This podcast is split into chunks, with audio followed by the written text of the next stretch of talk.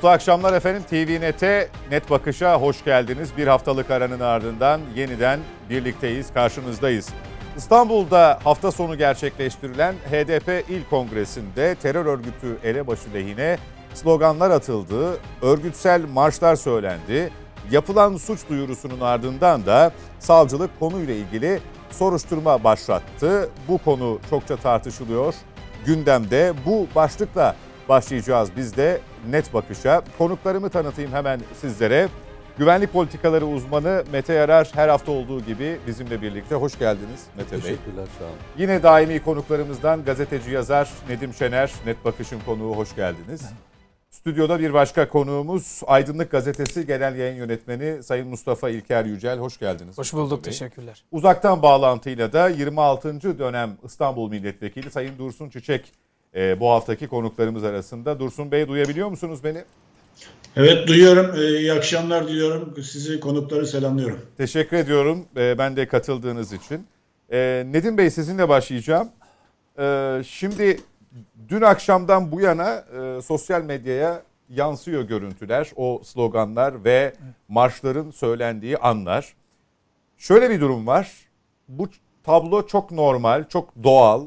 E, kimseyi şaşırtmıyor. Zaten ne bekliyordunuz ki gibi tepkilerle karşılaşıldı.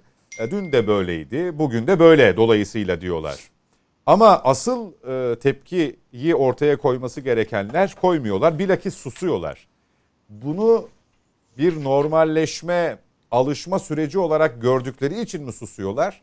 Yoksa bu suskunlukta başkaca bir hesap mı var? Şimdi e, önce HDP'liler bunu son zamanlarda niye sıkça yapmaya başladılar? Türkiye Büyük Millet Meclisi çatısı altında e, devletin ve milletin bölünmez bütünlüğü üzerine namus şeref sözü vermiş. Ve ama şereften yoksun milletvekilleri, bunu vurgulayarak söylüyorum. Şereften yoksun milletvekilleri ki ettiği yemine sadık kalmadıkları için bunu söylüyorum. Öcalan'ın ismini söyleyerek, onu överek konuşmalar yapıyorlar. Korkunç bir şey. Yani e, şöyle bir şey, e, bu toplumu alıştırıyorlar, uyutuyorlar. E, HDP bunu niye yapıyor? HDP kapatma davası Anayasa Mahkemesi'nde delillerin ne kadar somut olduğunu, dosyayı ne kadar iyi çalışıldığını görüyor. O parti kurulduğu an zaten kapatılması gereken bir partiyken ki iddianamenin başından sonuna Öcalan'ın talimatla kurulduğunu, organlarının, başkanlarının Öcalan tarafından atandığını, Kandil'deki dağdaki teröristler tarafından atandığını iddianameden görebiliyoruz. İmralı notlarıyla görüyoruz, basın açıklamalarıyla görüyoruz, Selahattin Demirtaş'ın yaptığı açıklamalarla görüyoruz. Dolayısıyla oradan akıbeti görüyorlar. Hazır oraya doğru giderken zaten 500'den fazla kişi hakkında da siyasi yasak geleceğini tahmin ediyorlar zannederim. O yüzden ne varsa boşaltıyorlar. Öcalan'a özgürlükte diyorlar, kampanya yapıyorlar, e, marşlarda söylüyorlar. Ondan sonra e, yani bir terör sempatizanının yapacağı ne varsa bunu yapıyorlar. Kitlesini de bununla beraber. İşte kongredeki bütün kitle bütün kitle eğer PKK marşı denilen mar, o sözde marşı söylüyorlarsa benim aylar öncesinden söylediğim gibi benim askerime sıkılan kurşundur. Onların verdiği oy benim askerime sıkılan kurşundur. Bunu artık böyle nezaketle, efendim siyasetle falan açıklanmaz. Memleket gidiyor. Söylüyorum memleket gidiyor. Terör örgütünün sempatizanları, irtibatlı, iltisaklı elemanları dibimizde belediye belediye binalarında görev yapıyor artık. İş kopmuş. Siyaset yapacağız, HDP'lerin oylarını alacağız diye verilmedik taviz kalmadı. Yine söylüyorum açılım sürecinde AKP bu hatayı yaptı. Ama bu kadarı gerçekleşmedi. Ama şimdi hani biz Fethullahçı terör örgütünü temizleyelim, bu devletin kılcal damarlarına kadar sızmış örgütü temizleyelim derken a belediyeler üzerinden PKK'lı DHKPC'liler girmeye başladı. Bak şehidin babası, şehit polisin babası isyan ediyor. Şehit şehit polisin e, e, eyleminde, saldırıda sorumlu olan kişi belediyenin personel bürosunda çalışıyor. Bunlar kabul edilebilir şeyler mi ya? Ya bu bakın bu, bu siyasetle falan açıklanmaz. Bu gaflet de değil. Bakın bilgisizlikten kaynaklanan bir şey değil. Bu doğrudan ihanete giriyor artık. Bak tekrar söylüyorum. Cumhuriyet Halk Partisi'nin burada temsilcisi var. Bu doğrudan ihanete giriyor. Nasıl kamufle etmeye kalkarlarsa kalksınlar. Kapatamazlar. Lütfen akıllarını başına alsınlar. İş çok tehlikeli noktalara gidiyor. Belediye başkanı çıkıyor diyor ki Burada, efendim niye tutuklamadılar? Niye tutuklamıyorlar falan? Burada bir e, itirazım var. Biz, e, olacak tabii. Dursun Bey değil. olacak. Dursun Bey olacak. Yo, yo, CHP'yi temsilen bulunmuyorum de, diyecek. Ha öyle herhalde. pardon özür dilerim. O zaman değiştiriyorum. Özür dilerim. Yani Do- doğru hayır, e, sizin düzenli... sizin Evet aynen öyle yani. Ben özür dilerim. Yani en azından tanıdıklarınıza söyleyeyim. Bakın ben bütün tanıdıklarıma söylüyorum. Ya yapmayın, etmeyin. Ya bu bakın bu ihanete giriyor artık. Kılıçdaroğlu bunu niye yapıyor? Kaftancıoğlu bu işin neresinde? İmamoğlu ne, neyi amaçlıyor kardeşim? Ya bakın diyorum size AKP'nin açılım sürecindeki yaptığı hata neyse biz ülke bölünüyordu o zaman hatırlıyor musunuz? 800 şehidimize mal oldu arkadaşlar. AKP hata yaptı açılım sürecinde ve 800 şehidimize mal oldu ya. Ülke bölünüyordu diyorum ya. Bak ülke bölünüyordu. CHP şimdi HDP'yi yanına tutup PKK'ya alan açarak bak PKK'ya alan açarak diyorum ya. Suçsa suç ben yargılanmaya hazırım. HDP'liler beni mahkemeye verdiler. Yargılanıyorum zaten. Suçsa suç. Ama ben uyarmak zorundayım kardeşim. O zaman da itiraz etmiştim. Ben FETÖ'ye de itiraz etmiştim. Çok 2007'lerde Hrant Dink üzerinden. Hep bunu derdine düştüm ben. Ben şimdi şehit babası vicdansızlar diye bas bas bağırıyor. O bizim utancımız ya. Biz o şehit babasının bugün eğer yıllar geçmiş aradan 2015'ten sonra tekrar acısını e, alevlendiriyorsak yemin ediyorum o PKK'ların falan değil. Benim utan ben utandım ya. Ben utanıyorum kardeşim. İnsanda biraz vicdan olur ya. İçişleri Bakanı diyor ki şöyle şöyle şöyle şu örgütlerden elemanlar alınmış. Ben Büyükşehir Belediye Başkanı olsam anında derim ki bir dakika bu e, siyaset yapılacak bir konu değil. Araştırıyorum. Örgüt üyeliği olsun olmasın. Örgüt propagandası yapmış yapmamış. Örgüt yöneticisi olmuş olmamış önemli değil. Adli sicil kaydında olup, bulun, kayıt olup olmaması da önemli değil. Bir PKK ile irtibat ve iltisakı varsa tıpkı FETÖ'cüler gibi. Bu benim için yeterlidir. Ben bunu bu binanın içine sokmam. Onu alanı da hakkında da işlem yaparım demesi lazım. Oturmuş terör örgütü üyesi ise niye almıyorlar? Ya arkadaş terör örgütü terör örgütüne yardım etmek, propagandası yapmak ayrı suçlardır. Bir örgütle irtibat, iltisak ayrı şeylerdir. Sultan Kayzen miydi? Bir tane şey vardı. DHKPC'de hatırlıyor musunuz? Aylarca televizyonlara çıktı bu. Siyasetçilerin yanında. Ne dedi? Beni terörist ilan ettiler, beni terörist ilan ettiler. Ben işte e, sıradan bir insanım falan dediler değil mi? Ne oldu? Silahlı çatışmada elinde Kalaşnikov'la öldürülmedi mi? Polisler tarafından. Veli Ağbaba CHP'li avukat diye bir tane kızı çıkardı şeye mecliste hatırlıyor musunuz kürsüye? Ne oldu o kız sonra? PKK kıyafetiyle Suriye'de öldürüldü. Bak sen alıyorsun hakkında istihbarat raporu var. Diyorsun ki bu örgütle ilişkili. Sen çıkartıyorsun. Veli Ağaba çık, çıksın şimdi konuşsun. Ya bak görüyor musun herkese terörist diyorsunuz. İşte kız genç kız avukat o eline kelepçe falan koymuştu hatırlıyor musunuz? Eline kelepçe koymuştu. İşte görüyor musunuz bakın nasıl suçluyorlar insanları. Gözlüklü bir kız. İsmini hatırlamıyorum şimdi. Elif bir şey. Suriye'de PKK üniformasıyla öldürülmedi mi bu? Şimdi sen diyorsun ki aman örgüt üyesi, örgüt e, yardım yataklık bilmem ne falan diyorsun. Kardeşim oraya aldığın adam eylemlere katılmış. Daha daha eleman devşirmiş. Bu adam yarın başka bir suç işlemeyeceğinin garantisi var mı? O yüzden bugünkü yazımda ateşle oynuyorsunuz dedim bak. Hepimizin hayatını, güvenliğini tehdit altına alıyorsunuz. Mete Yarar. Korumalar, korumalarla gezen adam. Örnek veriyorum. Korumalarla geziyor. Niye? Suriye'den tehdit aldı değil mi PKK'dan? Yani buradan çıkar belki saldırıyor Allah korusun. Şimdi bu adam ara, gittiği geldiği yerler belli. Arabasını nerede bıraktığı yer, beller belli. Örgüt elemanı dediğiniz şey ne yapar? Kimin nereye geldiğini, düzenli hareketini, bilgisini verir değil mi? Benim evim nerede? Biliyor adamlar. Bizim oturduğumuz yerin güvenliğini belediyenin güvenlik şirketi sağlıyor. Orada da var PKK'lı. Ne yapacağız şimdi? Ne yapacağız kardeşim? O belediye konusunu ayrıca Ya bak da. hocam bak ülke gidiyor diyorum. Ülke gidiyor. Bak şakası yok. Bak şakası yok. CHP'nin bu politikası HDP'ye PKK üzerinden PKK ve HDP HDP siyasi parti falan değil terör örgütünün siyasi uzantısı o kadar. Zaten e, kurultaylarında gösterdiler. Ve CHP bunları alan açıyor. Oysa bu anda aklınızı başına alın. Öcalan Möcalan lafı etmeyin. Halk size oy verdi. 6 milyon seçmenden bahsediyorsunuz. Bak mecliste temsil ediyorsunuz. Gelin tam da kapatma davası var. Biraz kendinize çeki düzen verin ya. Diyeceğinize Engin Altay bizi ikna etmeye çalışıyor. Onların bir ilişkisi mi var, iltibatı mı var bilmiyorum. Varsa da minimize etmesi lazım falan diyor. Ya yakışıyor mu kardeşim? CHP'nin 20-30 yıllık tarihini yaşamış, içinde olan Engin Altay gibi bir adam çıkmış.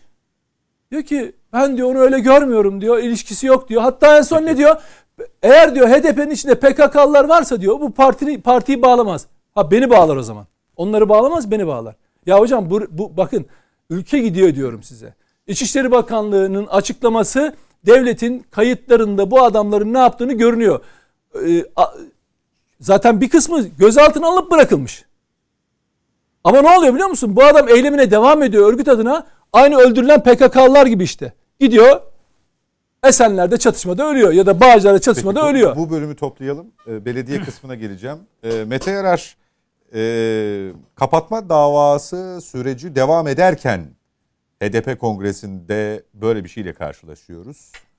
Kendi içinde bir strateji mi yürütüyor? O çerçevede mi gerçekleşiyor bu sana göre? Bir bölümünü zaten e, anlattı. E, Nedim aynı şeyleri e, tekrarlamayayım. Yani o e, kapatma sürecinde zaten e, siyasi yasaklar geleceği için bilindiği için bunu bir fırsat olarak gören insanlar da olabilir. Ona değindi.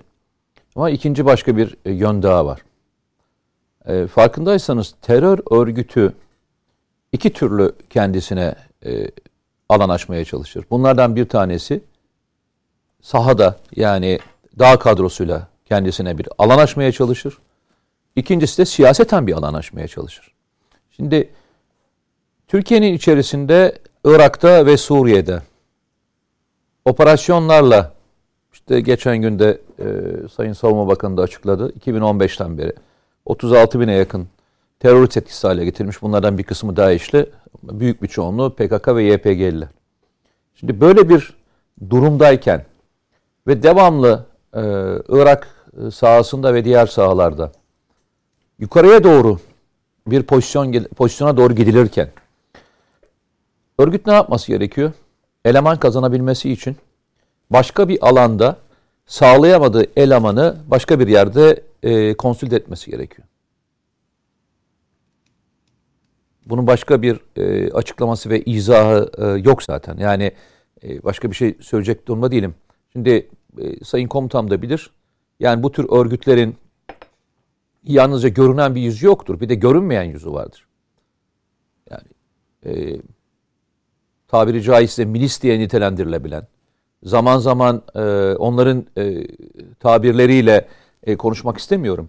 E, alanda bulunan bazı kadroları var. Bu kadrolar çoğunlukla siyasi ve gençlik üzerinde etkili olmaya çalışırlar. Bu etkinliğini de çoğu zaman politika üzerinden yaparlar. Bugün gördüğümüz bu konuşmaları, bu çıkışları ve diğerlerine. Yani biz sahada yok olabiliriz ama biz politikanın içerisinde güçlenerek geliyoruz. Biz artık vazgeçilmez bir aktörüz. Biz artık isteklerimize kavuşmak üzereyiz. Konsülde etmeye çalışıyorlar. Çünkü şu andaki politik e, atmosfer, konjüktür e, HDP'yi bir numaralı yere doğru getirmiş durumda. E, HDP... Yani müsait mi? Şimdi şöyle söyleyeyim. HDP diyor ki ben e, örgütle e, pardon PKK ile örgüt demiyor. PKK ile bir ilişkim yok diyor. Bir ilişkim yok diyor. Ama bir e, İstanbul'da yapılan kongresinde bir taraftan APO, terör başının APO'sunun üzerine yine PKK'nın e, marşlarını söyleyerek aslında çok da fazlasıyla inkar etmiyor. İşte hikaye burada başlıyor. Bu hikayenin içerisinde mevzu şu. Biz örgütün ne yaptığıyla mı ilgileneceğiz? Yoksa biz kendimiz ne yaptığımızla mı ilgileneceğiz?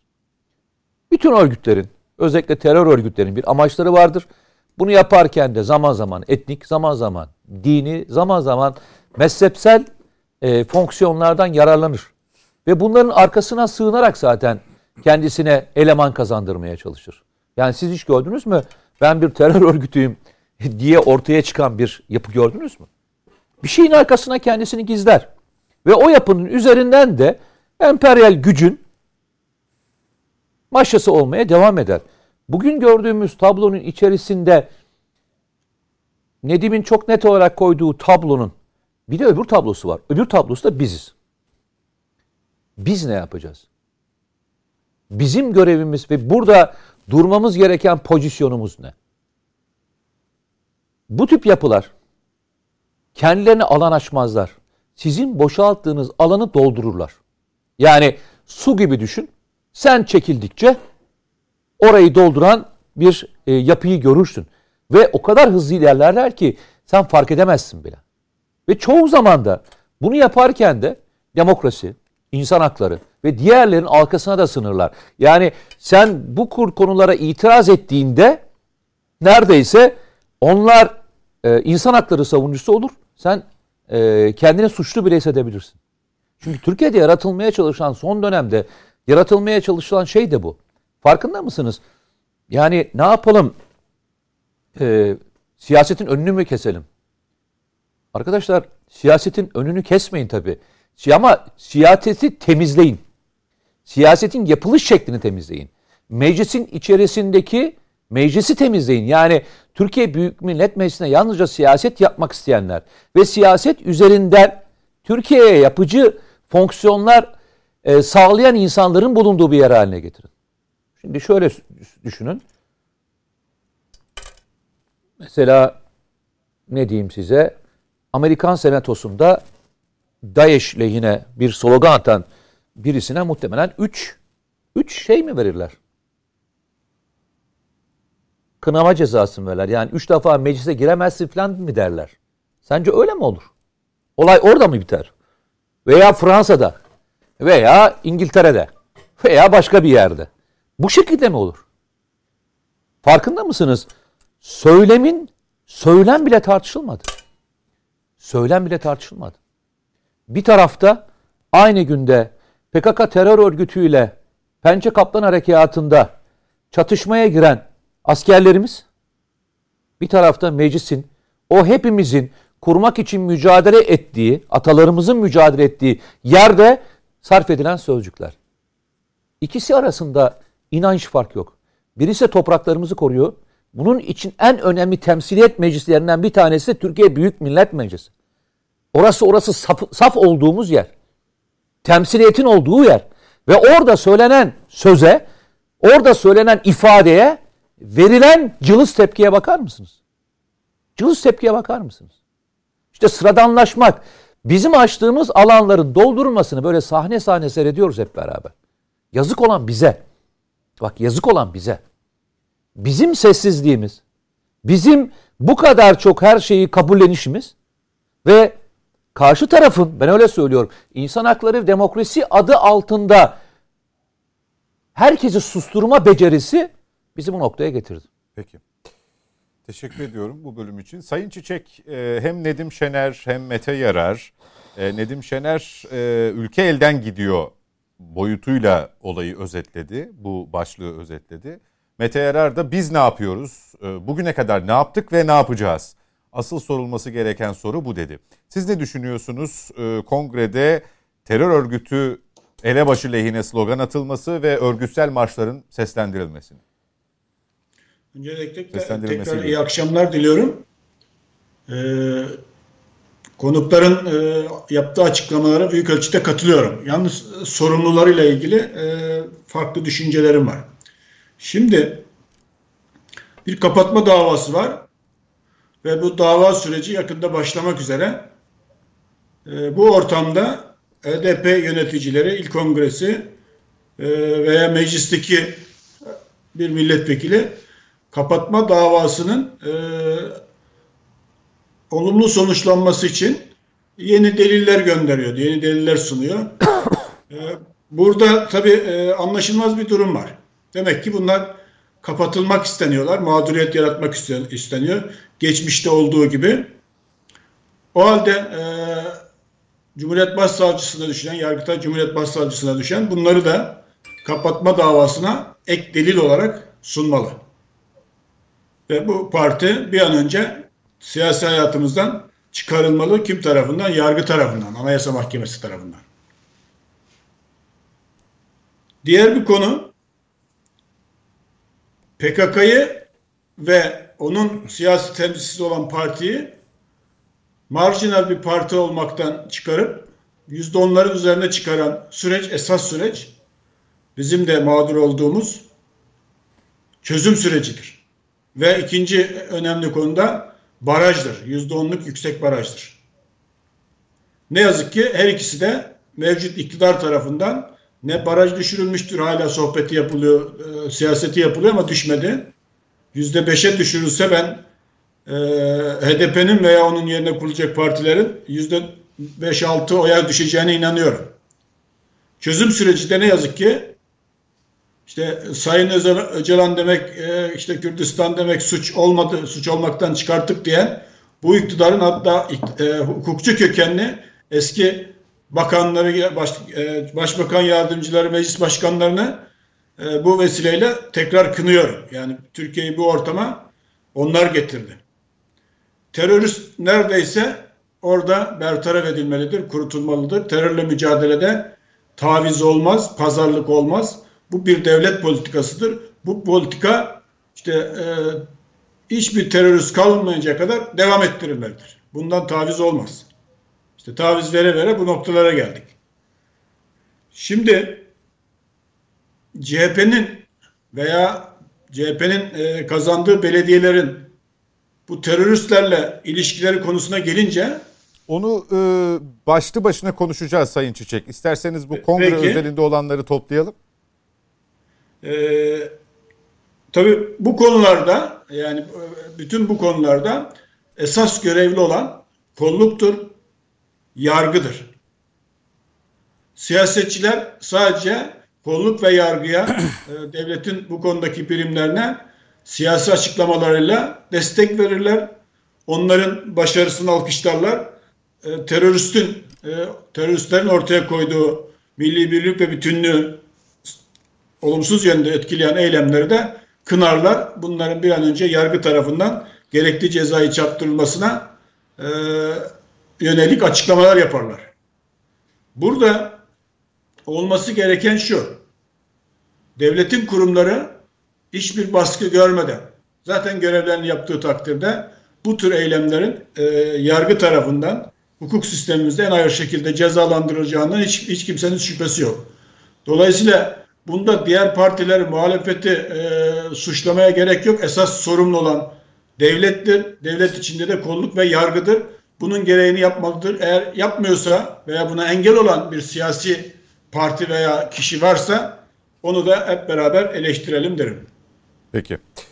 Ee, Mustafa İlker Yücel siz ne düşünüyorsunuz? Evet.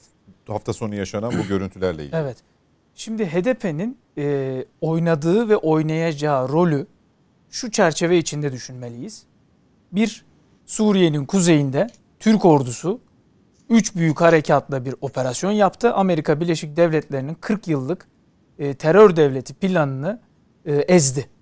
Ama 3 büyük harekata rağmen Deirizor ve Rakka gibi toplamda e, yüz ölçümü Danimarka kadar büyük bir alanı PKK'nın kontrolüne verdi. Yani şu anda haritada baktığınızda Danimarka kadar büyük bir yeri Rakka ve Deirizor petrolün başı ve her gün o petrolden e, PKK'nın kasasına para giriyor. Dolayısıyla sınırımızın dibinde aslında üç büyük harekata rağmen engelledik. O harekatlar çok önemliydi ama yarım kaldı. Çünkü bu söylediğim alanlar hala PKK işgalinde ve Arap nüfusunun yoğun olduğu yerler olmasına rağmen Amerika desteği sebebiyle PKK'nın kontrolünde. Aslında sınırımızda bir PKK yönetimi var. Ne, ne kadar büyüklükte? Danimarka kadar büyüklükte. Kimin desteğiyle? ABD'nin desteğiyle. Bütçeden para veriliyor. Yani Amerika Birleşik Devletleri'nin her sene bütçeden PKK'ya para verdiğini bilelim. Doğu Akdeniz'de arka arkaya tatbikatlarla hani bir yerde silahlar konuşuyor. Sınırımızın dibinde silahlar konuşuyor. Şehitlerimiz geliyor. Bir mücadele içerisindeyiz. Afrin'de yine işte bu cesaretlendiler ve saldırılar yapıyorlar. Irak'ın kuzeyinde yine e, Mehmetçik nefes aldırmıyor tabii ama işte Sincar bölgesinde hala istediğimiz, Mahmur'da istediğimiz noktada değiliz. Silahlar konuşuyor. Doğu Akdeniz'de de silahlar konuşuyor. Detaya girmeyeceğim ama orada namlular birbirine bakıyor gemilerin. En son işte yine bizim mıntıkamıza e, Rum yönetimi ve Yunanistan taciz ettiler 5. parselle girmek için. Buradan şuraya geleceğim. Dışarıda silahlı tehditler artınca içeride iç yıkıcılık cesaretlendirilir. Yani bu bununla birbirleriyle bağlantılı. HDP'nin içeride bir yıkıcı kuvvet olarak e, Amerika'ya bağlı kuvvetler ve Amerika'dan destek isteyen, Amerika'nın desteğiyle iktidara gelmek isteyen kuvvetlerin HDP'yi sahiplenmesi ve bu kongrede gördüğümüz manzaraların yaşanması dışarıdaki tehditlerle doğrudan bağlantılı. Yani silah gösteren içeride yıkıcı bir kuvveti de hazırladığını Türkiye'ye gösteriyor. Dolayısıyla HDP bir dış kuvvettir. Yani HDP içeride Türkiye'nin iç dinamiklerinin bir kuvveti değildir.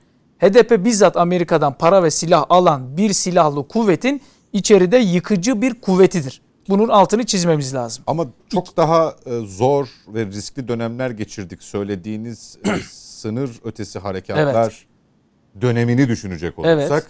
içeride aynı yansımaları görmüyoruz. Görmedik sebebi şu. HDP iddia edildiği gibi sırtını Kürt kökenli yurttaşlarımıza dayayamıyor.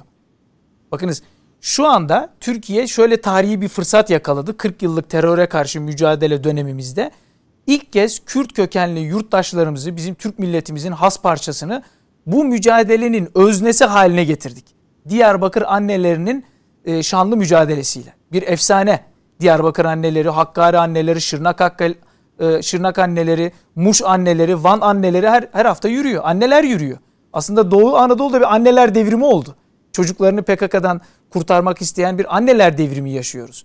Dolayısıyla hani sizin de işaret ettiğiniz noktada eğer e, PKK belediyelerini ellerinden almasaydık ki kayyumlar atandığında Cumhuriyet Halk Partisi açıkça karşı çıktı. Gittiler orada Türk ordusu balyozla sinek avlıyor propagandası yaptılar. Yani bunu Cumhuriyet Halk Partisi'ne yakın milletvekilleri gitti orada kayyumlar döneminde e, hendekler açıldığı dönemde ordumuzu suçlayan ifadelerle yani bir demokrasi, insan hakları vesaire diyerek e, bir propaganda yapmışlardı. Şimdi buradan şuraya geleceğim. Şu anda Atatürkçülere Cumhuriyet Halk Partisi eliyle PKK tuzağı kuruldu. Atatürkçülere Cumhuriyet Halk Partisi eliyle PKK tuzağı kuruldu. Cumhuriyet Halk Partisi'nin bu noktaya getirilmesi için içerideki Kemalistler, Atatürkçüler ve milli konularda AK Parti ile omuz omuzu olabilecek olan hatta olan diyeyim olan kuvvetler tasfiye edildi. Yani siz mavi vatan agresiftir diyen kişiyi oraya oturtuyorsunuz. Suriye'nin kuzeyinde aman Afrin'e girmeyelim. Aman orada yerel yönetimlere saygılı bulunalım. Aman Suriye'nin kuzeyinde e, yerel inisiyatifler olsun diyenler. Hatta PKK olacağına şey e, IŞİD olacağı PKK olsun diyenler. Cumhuriyet Halk Partisi'nin etrafında dolanan askerlerden bile bazı böyle cümleler duymuştuk. Bazı isimlerden. E, ve dolayısıyla şunu net cesurca e, söyleyelim. Atatürkçüler bugün bir tuzağa itildi. O tuzak ne? HDP demokrasini HDP de, e, mecliste terör terör örgütünden destek alan bir partinin bulunmasının Türk demokrasisine ne katkısı var? Yani diyorlar ya HDP kapatılınca demokrasimiz yara alacak.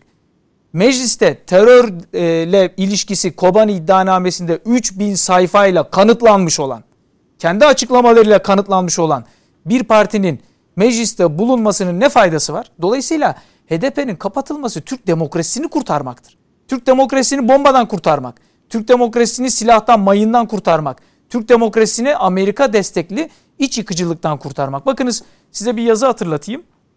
Nurettin Demirtaş'ın yazısı. Nurettin Demirtaş Avrupa'da PKK'nın yayın organlarına düzenli yazı yazar. Selahattin Demirtaş'ın abisidir. Evet. Mehmetçiğe kurşun sıkmak için fırsat kollayan isimlerden biridir. Ve e, üniversiteler öne çıkmalı yazısı yazdı. Biz o zaman aydınlıkta ayrıntılı bir şekilde haber yapmıştık.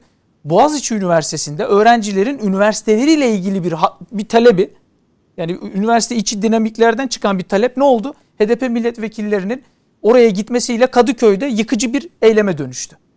Dolayısıyla burada HDP aslında içeride toplumsal olayları ve şu anda ekonomik huzursuzlukları da kullan, kullanmanın pususunda olan ya da Konya'daki olayı hatırlatayım. Bir aile e, kavgasında neye çevirdiler? Bir etnik boğazda yani Kürt kökenliler diye öldürüldü propagandası yaptılar. Ailenin akrabaları burada bambaşka bir e, olay yaşandı diye açıklama yaptı. Yani Konya'daki bir e, adi bir vakayı bile bir etnik boğazlaşma fırsatı olarak değerlendirmeye çalıştılar.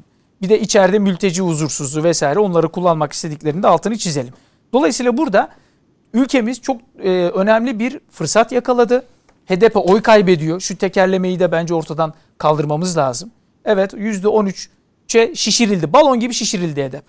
Yani o %3'lerden de, de, hep dep dehap döneminde 3'ler 4'lerde dolanan bir parti balon gibi şişirildi. Selahattin Demirtaş'a makyaj yapıldı. Bağlamalar verildi. Ortalığa bırakıldı ve ayrı bir demokrasi ikonu gibi sunuldu. Halbuki o kişi 2015'in Aralık ayında Türkiye'yi böleceğim açıklamasında yapmıştı. Özellik açıklamasını hatırlatırsanız.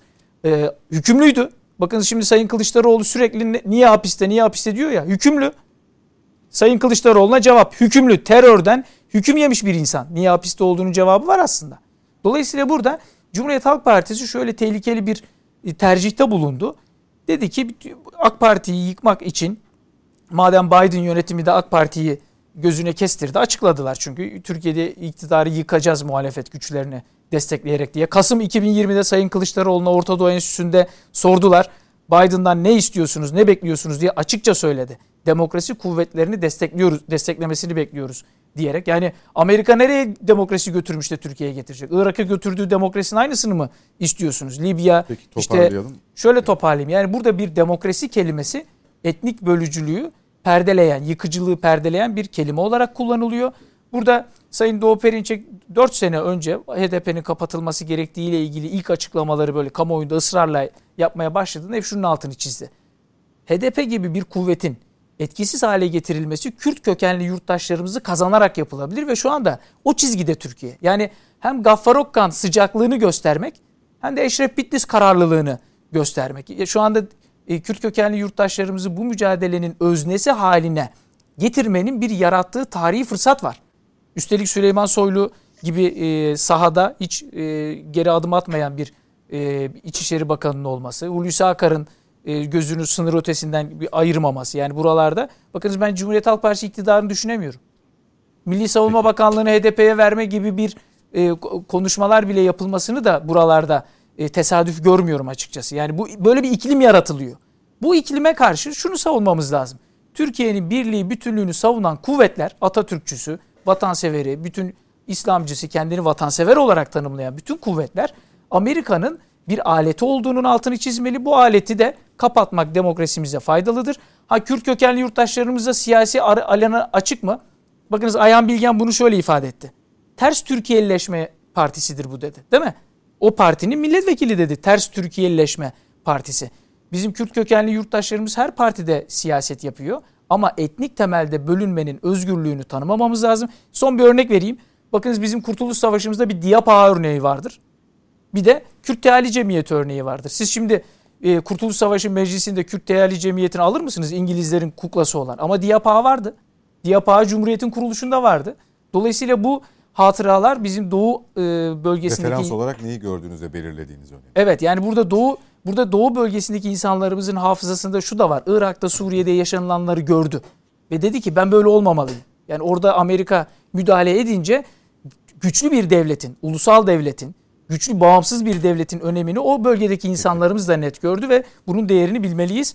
HDP'nin kapatılması bu açıdan Türkiye'nin güvenliği açısından doğrudan ilintilidir. Peki Nedim Şener e, CHP'de Altay'ın sözlerine göndermede bulundunuz ama e, izleyicilerimiz için hatırlatmış olalım. Bunun üzerinden de ilerleyelim. Bir de dünkü kongrede yine bu üçüncü yol söylemi gündeme geldi.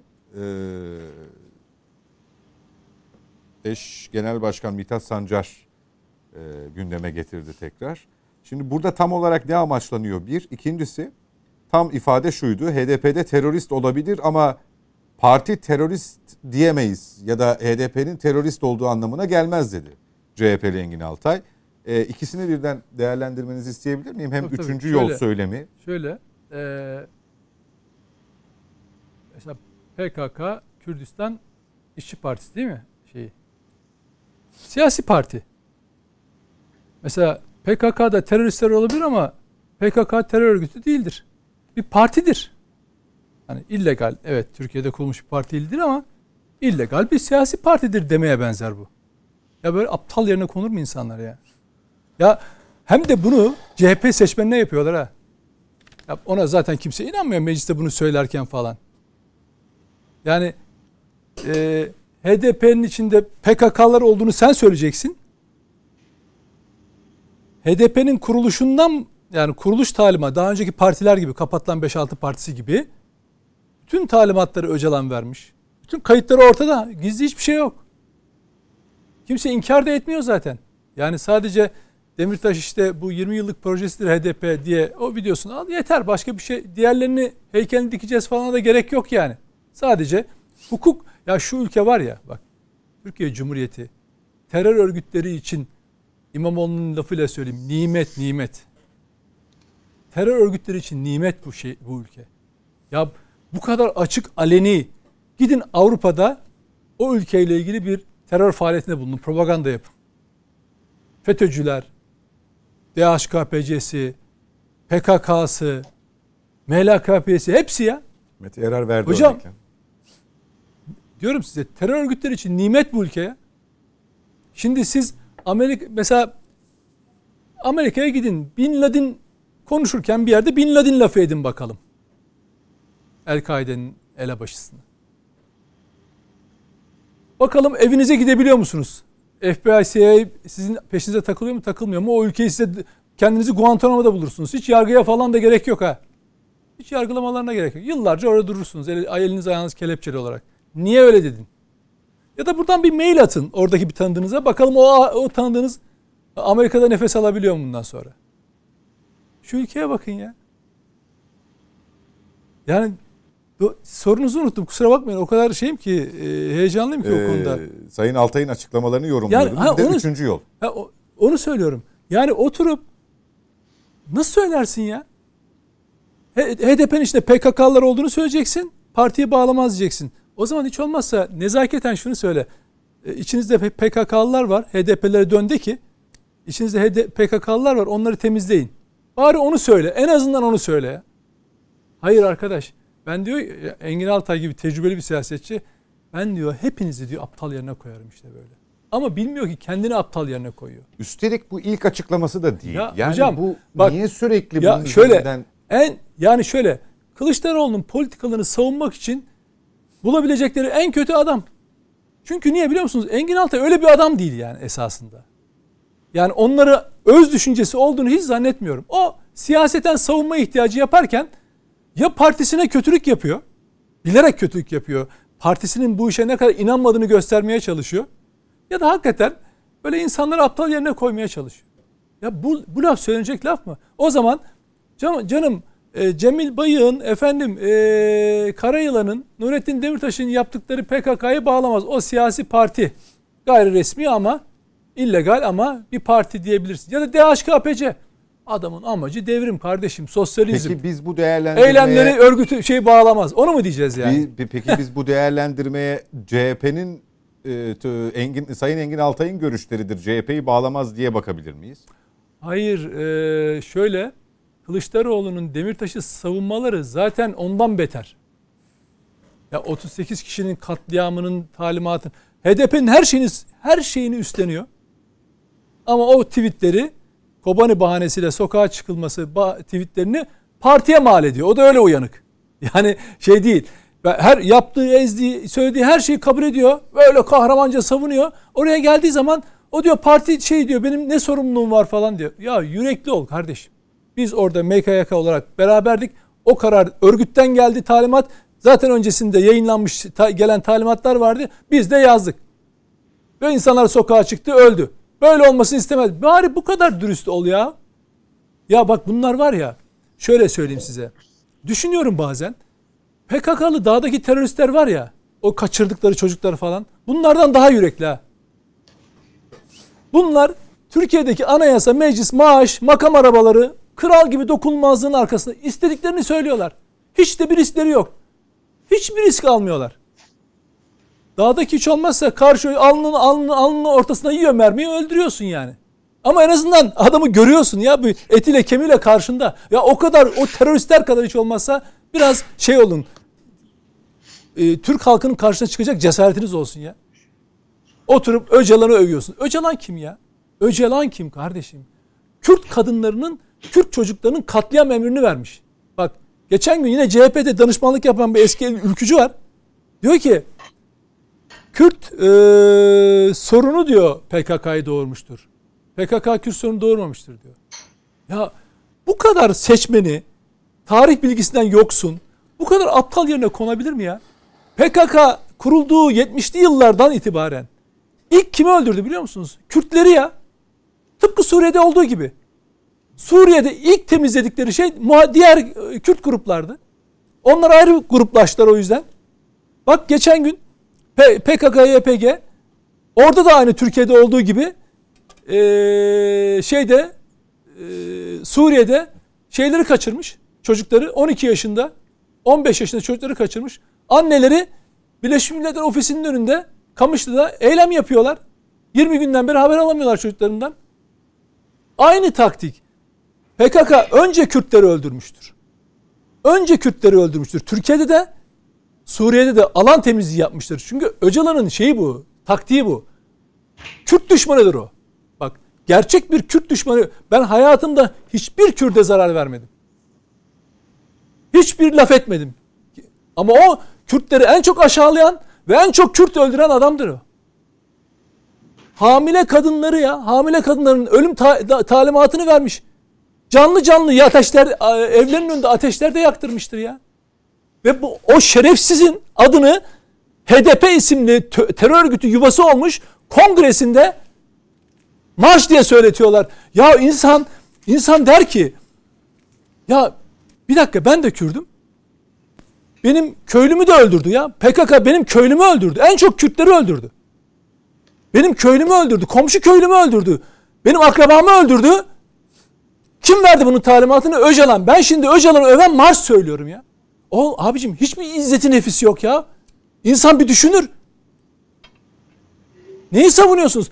Ve bak hocam bunu bu kadar ağır konuşmamın nedeni benim ömrüm boyunca tanıdığım, siyaseten tanıdığım yegane parti hep CHP olmuştur. Ben okul gibidir. Kurucu felsefeyi taşır. Biz eğer azıcık şu ülkede bir şeyler söyleyebiliyorsak onun o kurucu felsefesinden aldığımız cesarettir.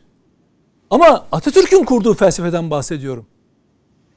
Yani gençliğe hitabede yazdığı gibi gaflet, delalet, ihanet içinde olmadan tek başına da kalsan ülken için savaşacaksın talimatından alıyoruz biz gücümüzü ya. Ve ben koskoca bir CHP'nin Kılıçdaroğlu yönetiminde şu son virajda bu kadar dökülmesini, bu kadar ağır HDP'yi PKK'lardan beter savunur hale gelmeleri ya korkunç bir şey ya. Bak PKK bile PKK bile HDP'ye kimi yerde cephe almayı bilmiştir biliyor musun? Demirtaş'a cephe almayı cephesine cephe almış almıştır yani. Kayıtsız sarsız yani öyle ki Demirtaş bir yerdedir, Öcalan bir yerdedir, PKK Kandil bir, yer, bir yerdedir, HDP bir yerdedir. Demirtaş'ı dışlamıştır. Gerekirse ezmiştir onu. Sen kimsin ya? Sen kimsin? Çıksın bir kere PKK PKK'ya terör örgütlesin bakalım şey Demirtaş. Ağzını bunu dağıtıyorlar mı dağıtmıyorlar mı göreceğiz o zaman onun delikanlılığını. Herkese efeleniyor ya.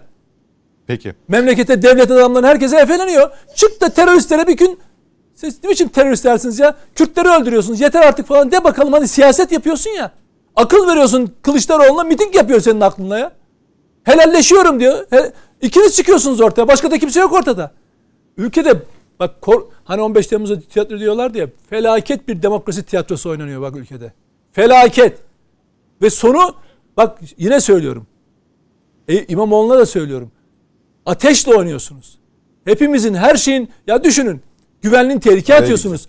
Siz belediyenin bir iştirakinde personelde, idaresinde, orada burada bütün yurttaşların bilginin olduğu kayıtları terör örgütünün yandaşı olan zamanında örgüte katılmış polis katletmekte e, katlederken görev almış terör örgütlerinin bunu kullanmayacağını düşünüyorsunuz? Kimin adresinin ne olduğunu bilmiyorlar mı zannediyorsunuz? Peki. Şimdi dolayısıyla Engin Altay'a dönersem tekrar lütfen aklınızı başınıza alın. Hiç olmazsa HDP'ye bir katkınız olsun. Aptal yerine koyduğunuz tabanınızı ikna etmeye çalışmayın.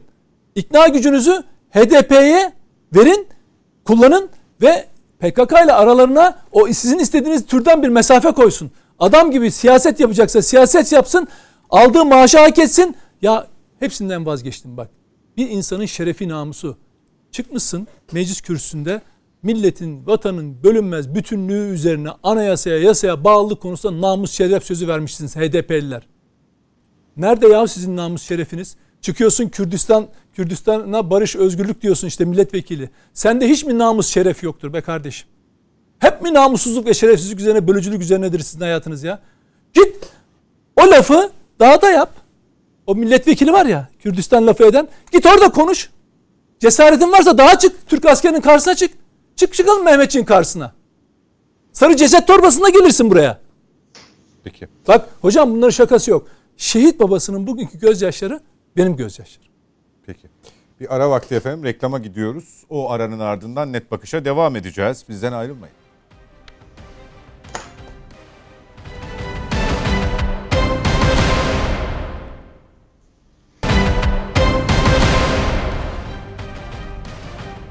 Yeniden birlikteyiz. Net Bakış'a devam ediyoruz. Dursun Çiçek, Mustafa İlker Yücel, Nedim Şener ve Mete Yarar'la ilk bölümde HDP kongresi ile ilgili soruşturma, orada terör örgütü elebaşı Öcalan lehine atılan sloganlar ve örgütsel marşların seslendirilmesini değerlendirmiştik. Şimdi İstanbul Büyükşehir Belediyesi ile ilgili oradaki istihdamla ilgili iddialara geçiyoruz. Ee, Sayın Çiçek'le başlayacağım bu bölüme. Ee, ilk etapta biraz değinmiştiniz ama bunu biraz daha açabiliriz zannediyorum. Ee, PKK'nın dağ kadrosunun İBB'de istihdam edilmesiyle ilgili iddialar. Ee, bugün biz yayına hazırlanırken CHP sözcüsü Sayın Faik Trak'a soruldu ee, bu soru. Ee, PESAP'a gelmez iddialar kimse boş atıp dolu tutturmaya kalkmasın. Yok öyle bir şey e, anlamına gelebilecek bir cevap verdi bu soruya Sayın Öztürk. Siz nasıl değerlendireceksiniz ee, bu belediye kapısının terör örgütü üyelerine açılması kısmını? E, zaman zaman tartışırız. CHP e, işte tek başına iktidar olmadı, e, ülkeyi yönetmedi. Şimdi konuşmalara bakıyoruz. E, işte HDP, PKK, FETÖ, e, IŞİD, DAEŞ, bütün terör örgütlerinin sorumlulukları hiç iktidar olmamış e, ve bu fiziki gerçeği tespit ettiğimiz bir Cumhuriyet Halk Partisi ile eşleştirilmeye çalışıyor. Tabii bunun siyasetle, hukukla, e, mantıkla, bilimle bir e, ilgisi olacağını düşünmüyorum. Şimdi e, belediyeler konusunda İçişleri Bakanlığı'nın ve merkezi hükümetin ne kadar yetkili olduğunu hepimiz biliyoruz. Yani Gönderirsiniz 3 tane müfettiş, tespitlerini yapar, gerekirse belediye başkanını açığa alır, hakkında soruşturma başlatır. E, dolayısıyla e, bu tür e, suçlamaların işlem yapılacağı yer bak meclisteki bütçe komisyonu veya bütçe görüşmeleri değildir. Bu tür suçlamaların işlem yapılacağı yer kolluk kuvveti olarak Cumhuriyet Başsavcılıklarıdır, yargıdır. Onlar işlem yapar. E, onun dışındakiler siyasi söylemlerdir. Ben olmadığını demiyorum. Ben e, genel konuşuyorum, ilkesel konuşuyorum. Şimdi e, PKK terör örgütü veya başka terör örgütlerle ilişkilerde, suçlarda üyelik vardır. Örgüt adına işlenen suçlar vardır. Üye olmamakla beraber yardım yataklık suçları vardır. Örgüt propagandasını yapma suçu vardır. Dolayısıyla bu suçlardan herhangi birini işleyen hakkında e, kolluğun ve e, Cumhuriyet Başsavcılıklarının resen işlem yapma görevleri, anayasal sorumlulukları vardır. Dolayısıyla bu tür işlemleri onların yapması lazım. Sayın İçişleri Bakanı'nın da bunları mecliste konuşmak yerine e, kolluğa bu konularda e, gerekli desteği vermesi gerektiğini düşünüyorum. Şimdi PKK hepimizin bildiği gibi bir emperyalist vekalet savaşı veren Amerika ve Rusya'nın birlikte organize ettiği ve bugünlere getirdiği hain bir terör örgütüdür. Ve şu an bu saklanmıyor. Yani e, Amerika şey Rusya kurdu, Amerika'da tepe tepe kullanıyor.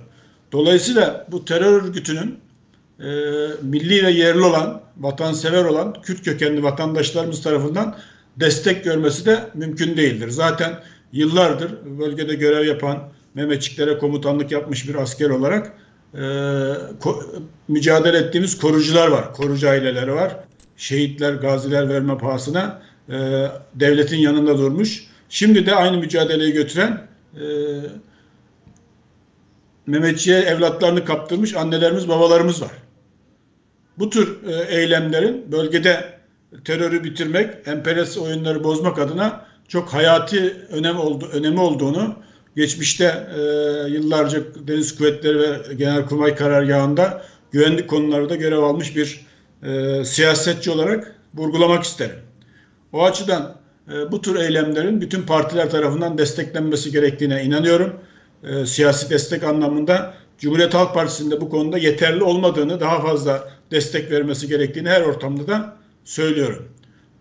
Cumhuriyet Halk Partisi veya diğer partilerle ilgili terörist söylemlerinin ise siyasi bir söylem olduğunu ben de katılıyorum. Biraz önce de söyledim. Esas olan e, iktidara düşen, Türkiye'yi yöneten e, hükümete düşen bu konuları yetkili makamlara e, rapor etmek, bildirmek, delillendirmek, Cumhuriyet Başsavcılıklarından suç duyurusunda bulmak ve bunların gereğini yapmasını sağlamaktır. Aynı şey PKK'nın siyasi ayağı olduğu iddiasıyla HDP hakkında da bugüne kadar yapılmalıydı. Yani Türkiye 20 yıldır e, AK Parti yönetimi, AK Parti iktidarı yönetiyor.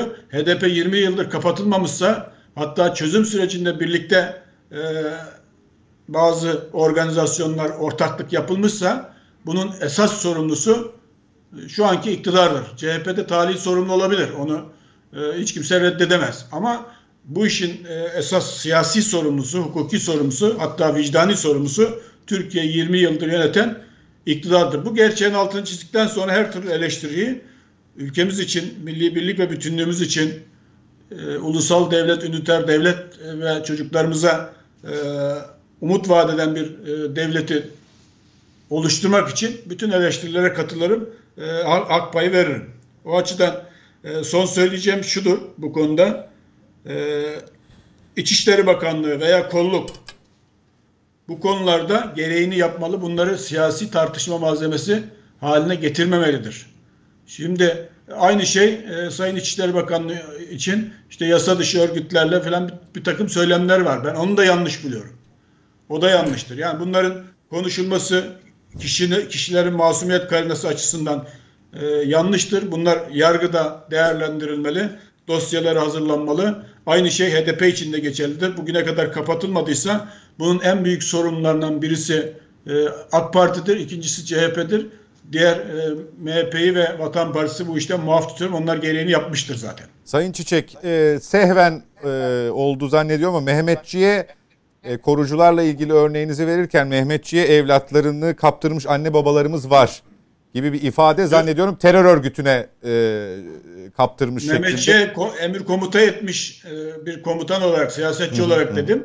Orada sanırım bir algı şey oldu. Evet. Evlatlarını terör örgütüne kaptırmış annelerin evet. babaların eylemleri, Hı-hı. korucuların yıllardır e, Mehmetçik'le beraber verdiği onurlu mücadele, e, terörle mücadelede e, tarihe yazılmış notlardır.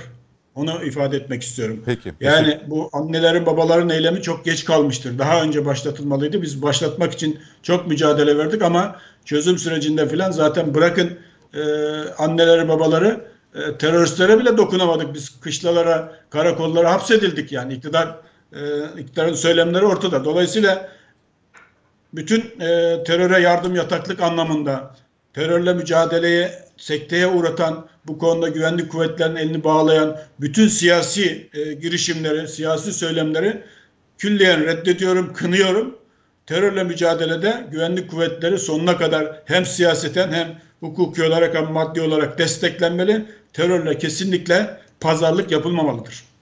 Peki teşekkürler e, Sayın Çiçek. Mete Yarar e, sen ne düşünüyorsun bu konuyla ilgili?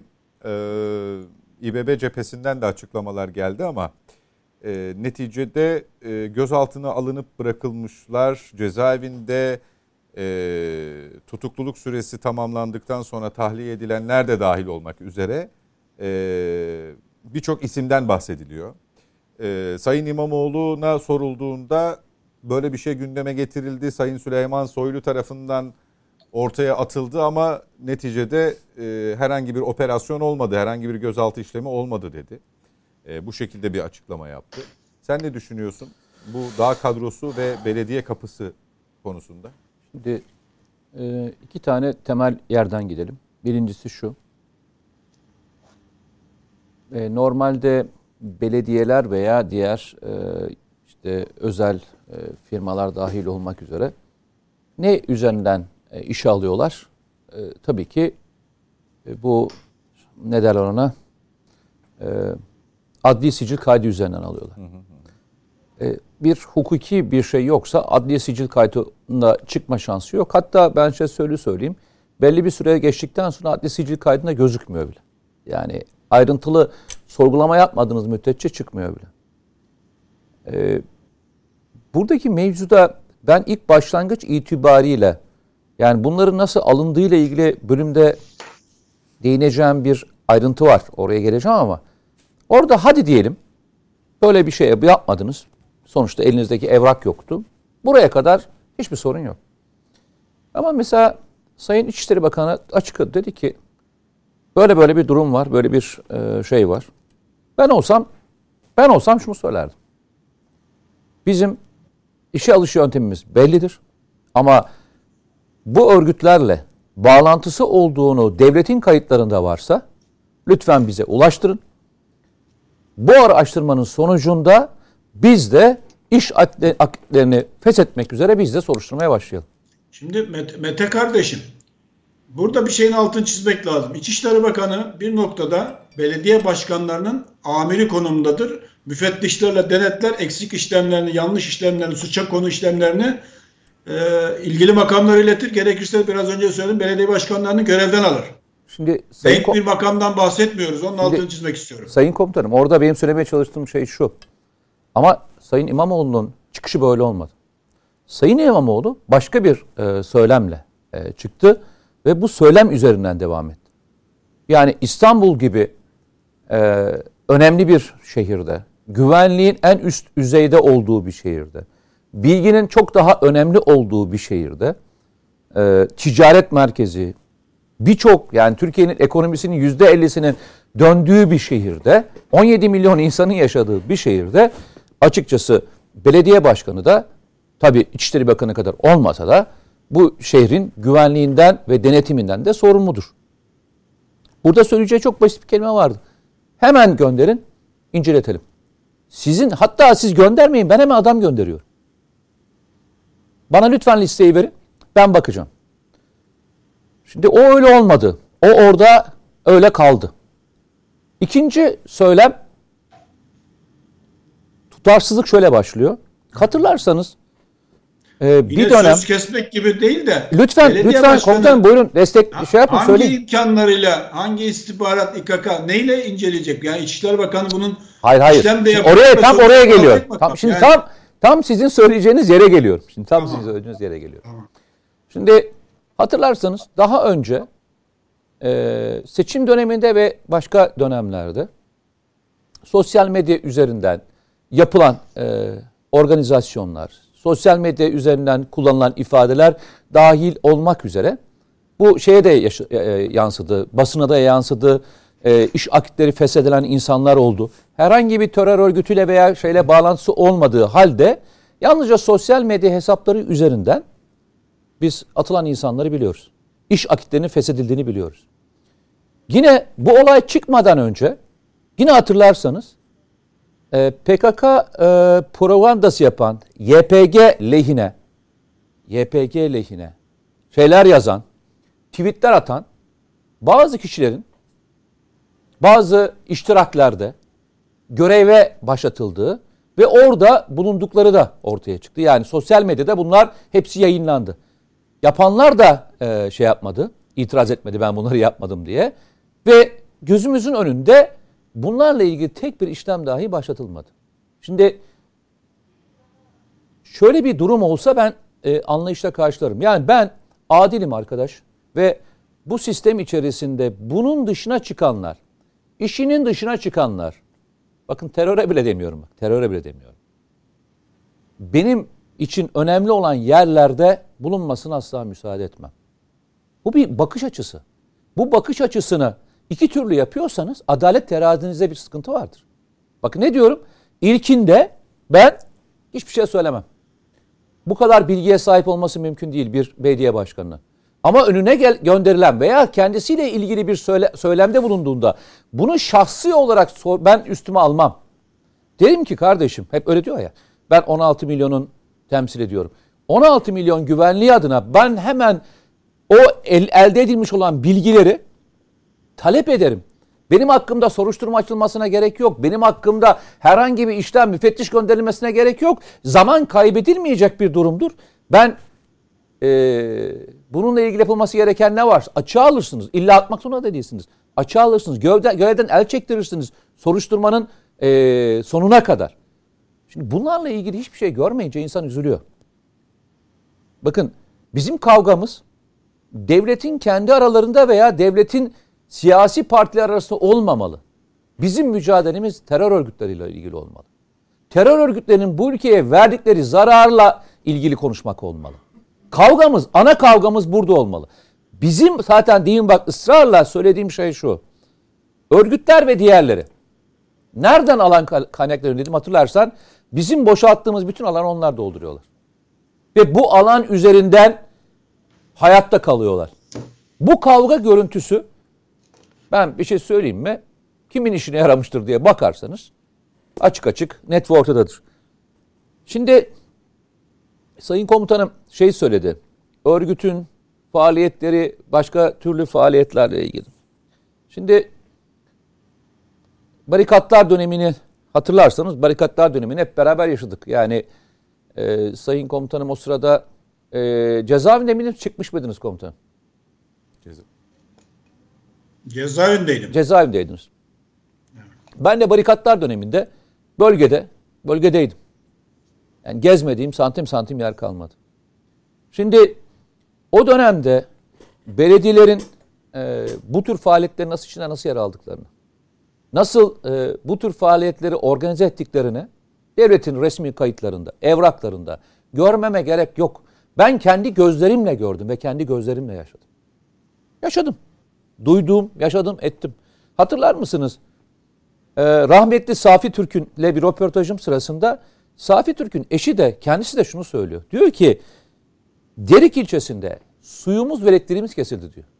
Kamu kamu binalarının yani emniyet binasının, jandarma binasının, kaymakamlık binasının suyunun ve elektriğinin kesildiğini söylüyor. Kim tarafından?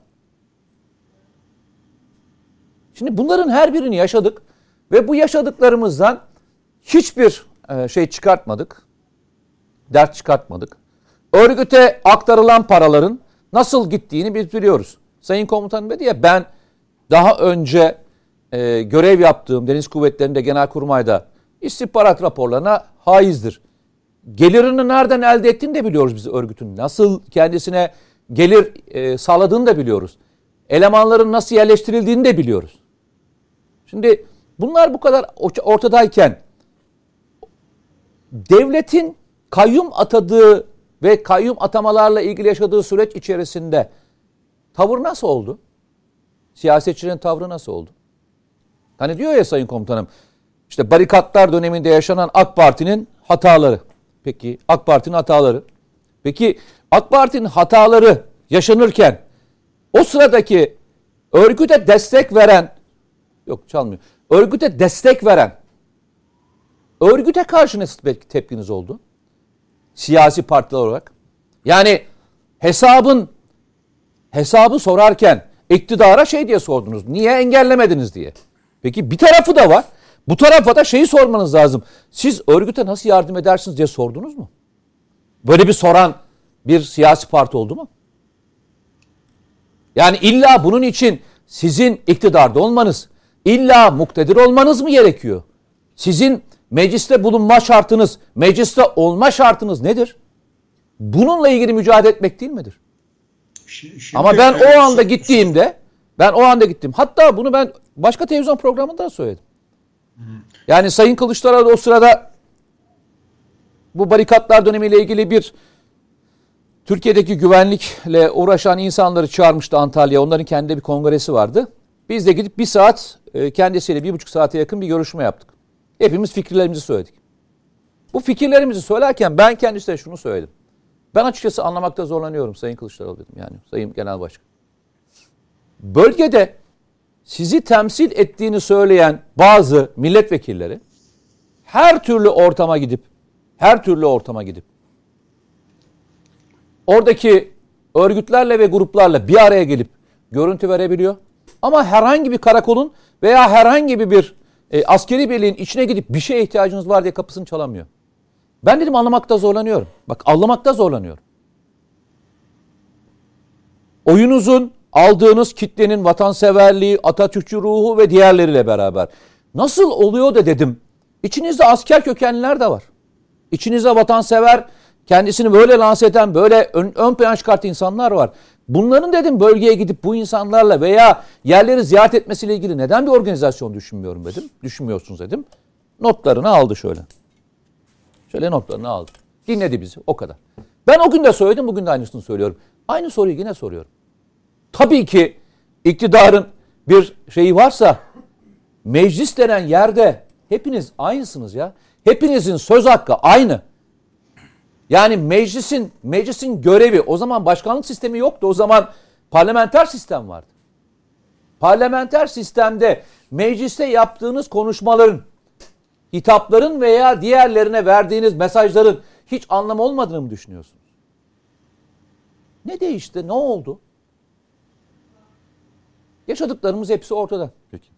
Ve yaşamaya da kusura bakmayın. Demin Nedim çok güzel söyledi. Hadi sizin söylemenizle AK Parti bunların hepsini yaptı. Peki bugün siz farklı bir şey yapmak için yola çıktınız mı? Hadi o zamanki şeylerden o zaman kimse bilmiyordu bunun sonuçlarının ne olacağını. Elinizde bir süreç de var. Bugün için bu süreci doğru yönetebiliyor musunuz? Buna ne diyeceğiz? Yani bizim derdimiz A partisi B partisi ki. Bizim derdimiz memleketin derdi. Memleketin derdini konuşurken illa bütün söylemleriniz bir siyasi parti üzerine olmak zorunda değil ki. Eleştirirken A partisinde B partisinde eleştirebilirsiniz. Şunu mu yapalım? Ha o zaman A partisi çok iş yaptı. Ha o zaman B partisi ya önemli değil. Şimdi o da yapabilsin mi diyeceğiz? Yani bu bir sırayla mı hata yapma payımız var? Hata yapılmadan da gidemiyor muyuz bu yoldan biz? İlla aynı şeyi tekrarlamak zorunda mıyız? Hata- aynı şeyi ilerletmek mi zorundayız? Hatada ısrar mı edilmesi gerekiyor? Bakın ben bir kez daha söylüyorum. Onu mu demek istiyorsun? Ben o dönemde çözüm sürecinin iki tarafı olduğunu ve o zaman da yazdığım, çizdiğim için, belgelerle olduğu olduğu için şimdi aynı şeyi rahatla söyleyebiliyorum. Dedim ki bakın PKK'nın silah bırakmasıyla bölge insanların refahının ve sosyal haklarının verilmesi ve süreci yönetmek başka şeyler. Bunu ikisini birleştirmeyin. Eğer birleştirirseniz bakın burası farklı bir yere gidecek. Ayırın bunu. PKK sizin terörle mücadeleniz olsun. Ama bölge insanlarının, ülkemizde yaşayan insanların demokratik seviyesini yukarı çıkartılması başka bir organizasyondur. Bunu karıştırmayın diye bas bas bağırdım. Bir şey denediler. Bakın bir kez daha söylüyorum. Ama biz bir kez daha gördük. Bunu bundan bir hafta önce, 10 gün önce Duran Kalkan örgütün sözde liderlerinden bir tanesi açıklama yaptı. Ne dedi? Biz o dönem silah bırakmaya e, yakın bir dönemdeydik. Ama Avrupa Birliği ülkeleri bize çatışmaya devam etmek üzere baskı yaptılar. Ve biz çatışmaya devam etmek zorunda kaldık dedi. Şimdi emperyalist diyorduk. Hani emperyalist, emperyalist diyorduk. Hiç kimse inanmıyordu. İşte bakın örgütünüzün sözde liderlerinden bir tanesi itiraf ediyor. Biz yaptık diyor. Biz yaptık diyor. Ama yine tek bir tık yok. Peki. Tek bir tık yok. Bu kadar çift taraflı Serhat Bey bu kadar çift taraflı ülke severlik olmaz ya. Ülke severlik olmaz.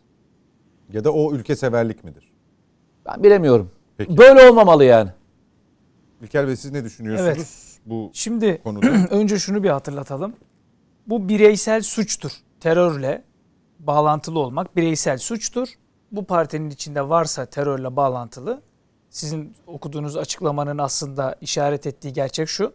Bu bir terörle bağlantılı olmak bireysel suçtur. Yani onu oradan çekip alırsınız partiyi koruyabilirsiniz. Yani HDP'yi korumak bakımından hukuki bir izahta bulunuyor aslında Cumhuriyet Halk Partisi yöneticisi. Şimdi size bu gerçek mi? Onunla ilgili bir rakam vereyim. E, Vatan Partisi tam 4 kez HDP'nin kapatılması için Yargıtay Cumhuriyet Başsavcılığına başvuruda bulundu. Arkada bıraktığımız 5 sene boyunca neredeyse her sene gitti başvuruda bulundu. Bir en son dördüncü e, başvurudaki bir rakamı söyleyeceğim. HDP kay, HDP'nin kayıtlı 37 bin üyesinin 12 bini hakkında terör soruşturması var. Bir daha söyle. 37 bin üyesinin 12 bini hakkında terör soruşturması var. 37 bin üyesi mi var? 30 yargı şeyde gözüken, e, yüksek seçim e, Resmi. Evet, resmi olarak gözüken siyasi partilerin üye rakamlarına baktığınızda 37 bin 12 bini e, terör soruşturmasında geçirilmiş. HDP'li milletvekillerinin tamamının terörle ilgili fezlekesi var. Tamamının. E, 59 vekilin hepsinin neredeyse. Zannediyorum bir tanesi vardı. O da sonradan geldi. 59'unun var. Şimdi demek ki bu bir bireysel suç değil. Örgütlü bir suç var. Yani bu terör örgütüyle hareket etmek HDP açısından örgütlü bir tavır. Üyelerinin üçte biri terör örgütüne çalışan bir siyasi parti olur mu? Yani bir, bir, bir HDP'yi korumak için o Cumhuriyet Halk Partisi yöneticisi çok güzel bir formül üretmeye çalışmış. Bireysel suç, çek, partiyi koru, HDP'yi koru. Böyle bir şey mümkün mü? Zaten yarısı gitmiş neredeyse. Bir bu. Bunun altını çizelim. İkincisi yani bir bireysel suç yok. E, ikincisi Ekrem İmamoğlu ile Sayın Kılıçdaroğlu e, Selahattin Demirtaş'a sahip çıkma konusunda birbiriyle yarışıyorlar. Sebebi şu. Biz Amerika Birleşik Devletleri'nin Türkiye'ye ilişkin planlarında ben öne geçmeliyim. Çünkü HDP şu anda ABD için kırmızı çizgi. Yani HDP'ye sahip çıkan oradan puan alıyor. Avrupa Birliği'nden puan alıyor. Avrupa İnsan Hakları Mahkemesi işte o ihlal karar onu ne kadar dillendirirsen o kadar puan oluyor. Sayın Ekrem İmamoğlu da bir mevzi seçti. Burada yarışa girdi. Zaten belediye başkanlığına adaylığı sürecinde ilk yaptığı açıklamalardan birini hatırlatalım. Selahattin Demirtaş'ın çizgisini beğeniyorum demişti. Çizgiyi beğeniyorum. O çizgiyi beğenirsen PKK'lıları belediyeye sokarsın. O çizgiyi beğenen zaten başka bir şey yapmaz. Birincisi bu. İkincisi Sayın İmamoğlu'nun o seçtiği mevzi sadece PKK ile HDP ile ilişkisi açısından değil biraz zihnimizi e, biraz geçmişe götüreyim. Zihnimiz açılsın. İlk kampanyaya nasıl başladı Sayın İmamoğlu?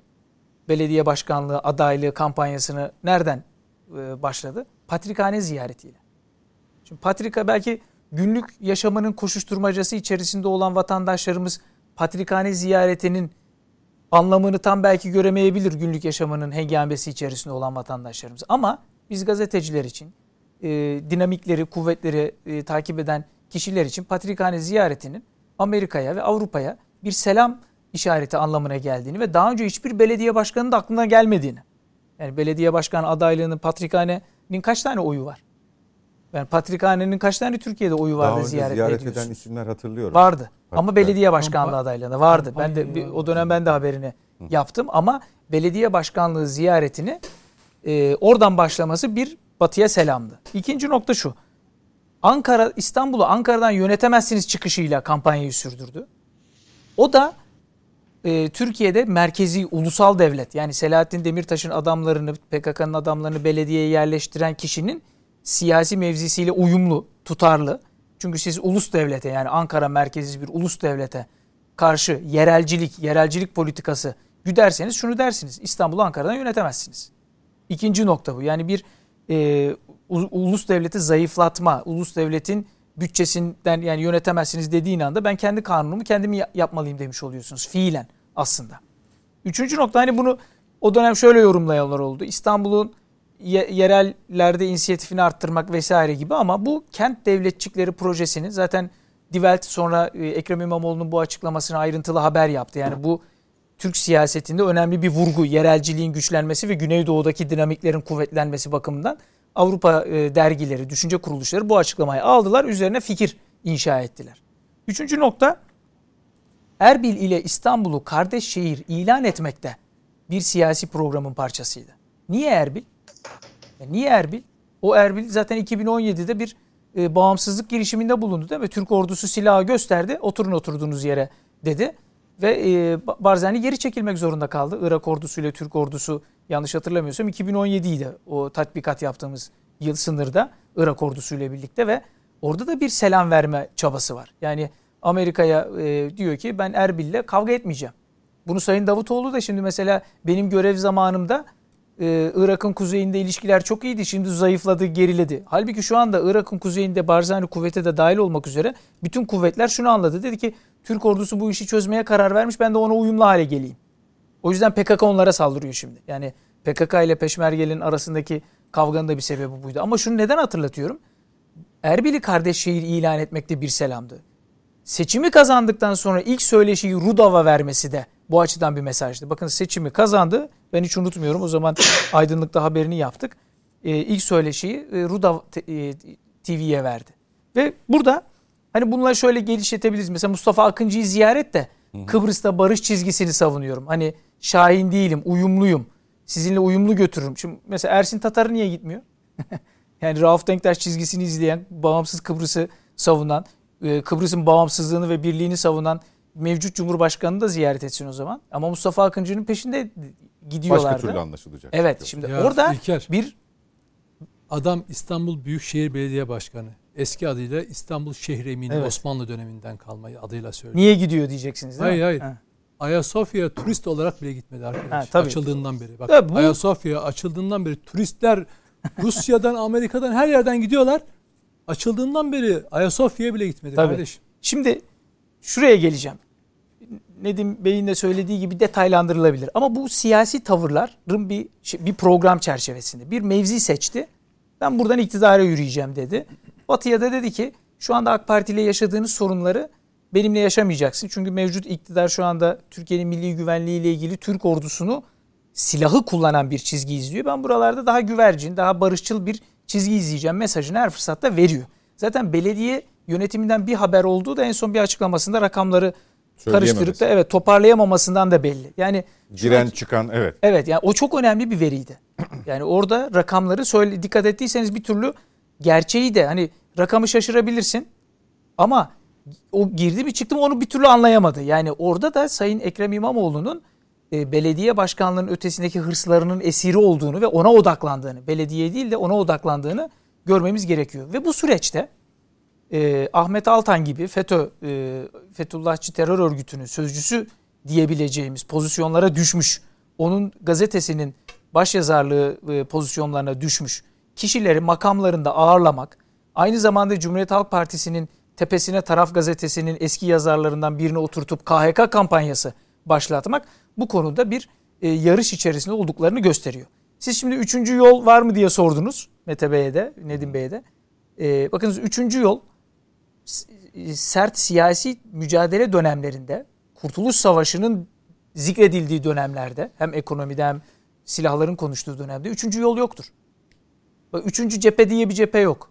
Çok doğru hani onlar öyle bir üçüncü cephe diyerek pazarlık payını yükseltmeye çalışıyor. Orada bence evet CHP'ye bir mesaj Tabii veriyorlar. pazarlık payını yükseltme ben ben blof yani onlar e, Cumhuriyet Halk Partisi ile hareket edecekler önümüzdeki dönem. Yani istedikleri alsınlar ya da almasınlar. Çünkü PKK şu anda PKK'nın e, şu anda e, moral motivasyon gücü HDP. Eskiden şunu diyorduk. Mesela ben 2-3 sene önce katıldığım televizyon programlarında şu fikri anlatmaya çalışıyordum. E, çok yaygın değildi o. HDP sırtını PKK'ya dayıyor diye izah etmek zorunda kalıyorduk açıklamalarından. Yani HDP kendisi söylüyordu sırtımızı dayıyoruz PKK'ya diye. Şimdi durum nedir biliyor musunuz? PKK şu anda sırtını HDP'ye dayamaya çalışıyor. Çünkü bugün PKK'yı ayakta tutan moral motivasyon gücü işte o kongre. Yani o kongreleri toplayabildiği sürece PKK daha adam götürebilecek. Dolayısıyla burada Türkiye kararlı bir tutum içerisinde üçüncü yol yok. Ya bu taraftasın ya o taraftasın. Yani hem AK Parti'nin hem Milliyetçi Hareket Partisi'nin hem Vatan Partisi'nin kararlı bir şekilde ifade ettiği o milli tutuma keşke İyi Parti ve CHP de katılsa. Katılmıyorlar. Yani biri KHK kampanyası, HDP işte kurtarma çalışması ki bu Biden'la buluşmaya götürdü onları. Tabi burada AK Parti'nin de hükümetin de daha kararlı e, yani mesela hukuk hem hukuk güçlerinin kararlı olması lazım siyasi iktidarında. Mesela ben burada Anayasa Mahkemesi'nin işi e, ağırdan aldığını düşünüyorum. Yani yavaş yavaş götürüyorlar. Halbuki Mehmetçik her gün savaşıyor. Anayasa Mahkemesi iş yoğunluğundan bahsedemez. Bir konuşmasında Sayın Zühtü Bey'in bir konuşmasında iş yoğunluğu kelimesi geçer mi ya? Mehmetçik savaşıyor. İş yoğunluğundan dolayı Mehmetçik tatil ediyor mu vatanı savunmayı? Ama o mermiler 57 e, milyon bakın meclisten para veriyoruz. Ben şimdi az önce Amerika'dan para alıyor dedim ya alıyor bütçeden ilan ediyor ama biz de veriyoruz. Böyle dobra söyleyelim. Biz meclisin büt, şeyin Türkiye 2021 bütçesinden 57 milyon lira hop HDP'nin kasasına girecek. Bu, bu çelişki değil mi? Sen para verirsen Amerika daha fazlasını verir zaten. E, e, bu şekilde e, Anayasa Mahkemesi de iş yo işimiz yoğun derse e, Türkiye'yi kim savunacak? Yani Peki. burada Türkiye'nin kararlı bir şekilde burada kararlılık kazandırır. Şunun altını çizmemiz lazım. Bakınız Diyarbakır Belediyesi PKK'dan alındığında herkes şunu bekliyordu. Selahattin Demirtaş da gözaltına alındığında şunu bekliyordu. Ayaklanmalar olacak. Halbuki Kürt kökenli yurttaşlarımız karar verdi. Bu PKK başa bela. Kürt'ü öldürüyor işte anlatıldı ee, ve bizim önümüze hendek koydu. Sosyal hayatı mahvetti. Bunlar mı yönetecek dedi. Bakınız bu da yeni bir durum biliyor musunuz? Eskiden bir bölüm Kürt kökenli yurttaşlarımızı şuna ikna ediyordu etnik aidiyet üzerinden. Biz yönetmeliyiz. En son şunu dediler. Bunlar mı yönetecek? Mahvettiler benim hayatımı. Hendek kurdular, belediyeyi mahvettiler vesaire. Dolayısıyla bugün annelerin de HDP'li, HDP'ye oy veren insanlardan oluştuğunu da söyleyelim. Hani hepsi değildir belki ama ben çok sık Diyarbakır'a gittiğim için biliyorum. Orada hepsi lafa şöyle başlıyor. Elim kırılsaydı da oy vermeseydim.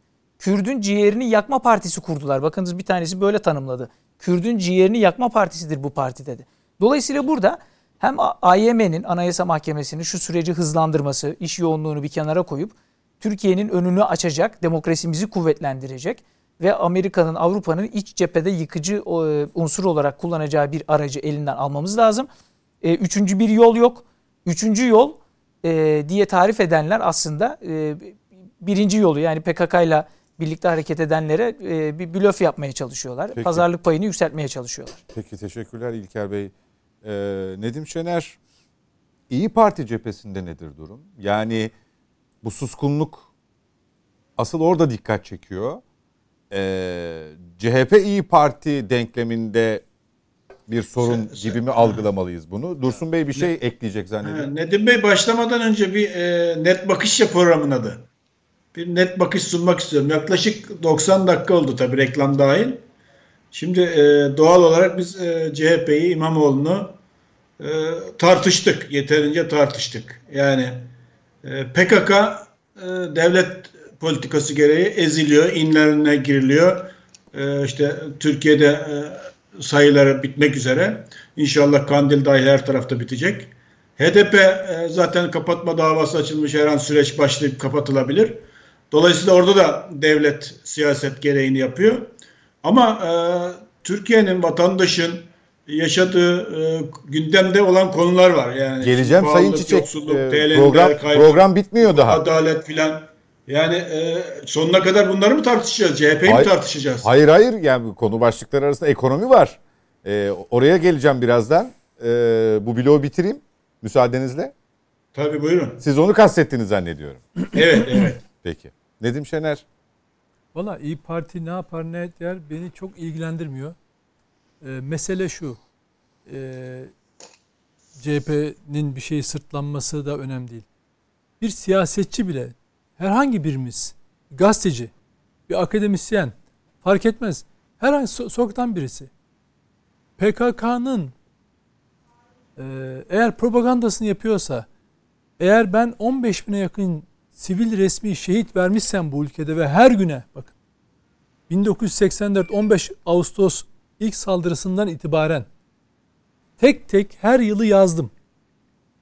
Yaklaşık e, 13 bin e, 13.500 civarında gün sayısı var. 14 bin civarında şehidimiz var. Ya bunlar küsuratları var bunların. Böldüğünüz zaman ben bu ülkede her gün PKK terörüne bir şehit veriyorum. Ben şurada bugün konuşurken o matematiksel olarak böldüğümde bir şehit düşüyor. Üç de gazi düşüyor. Sivil resmi.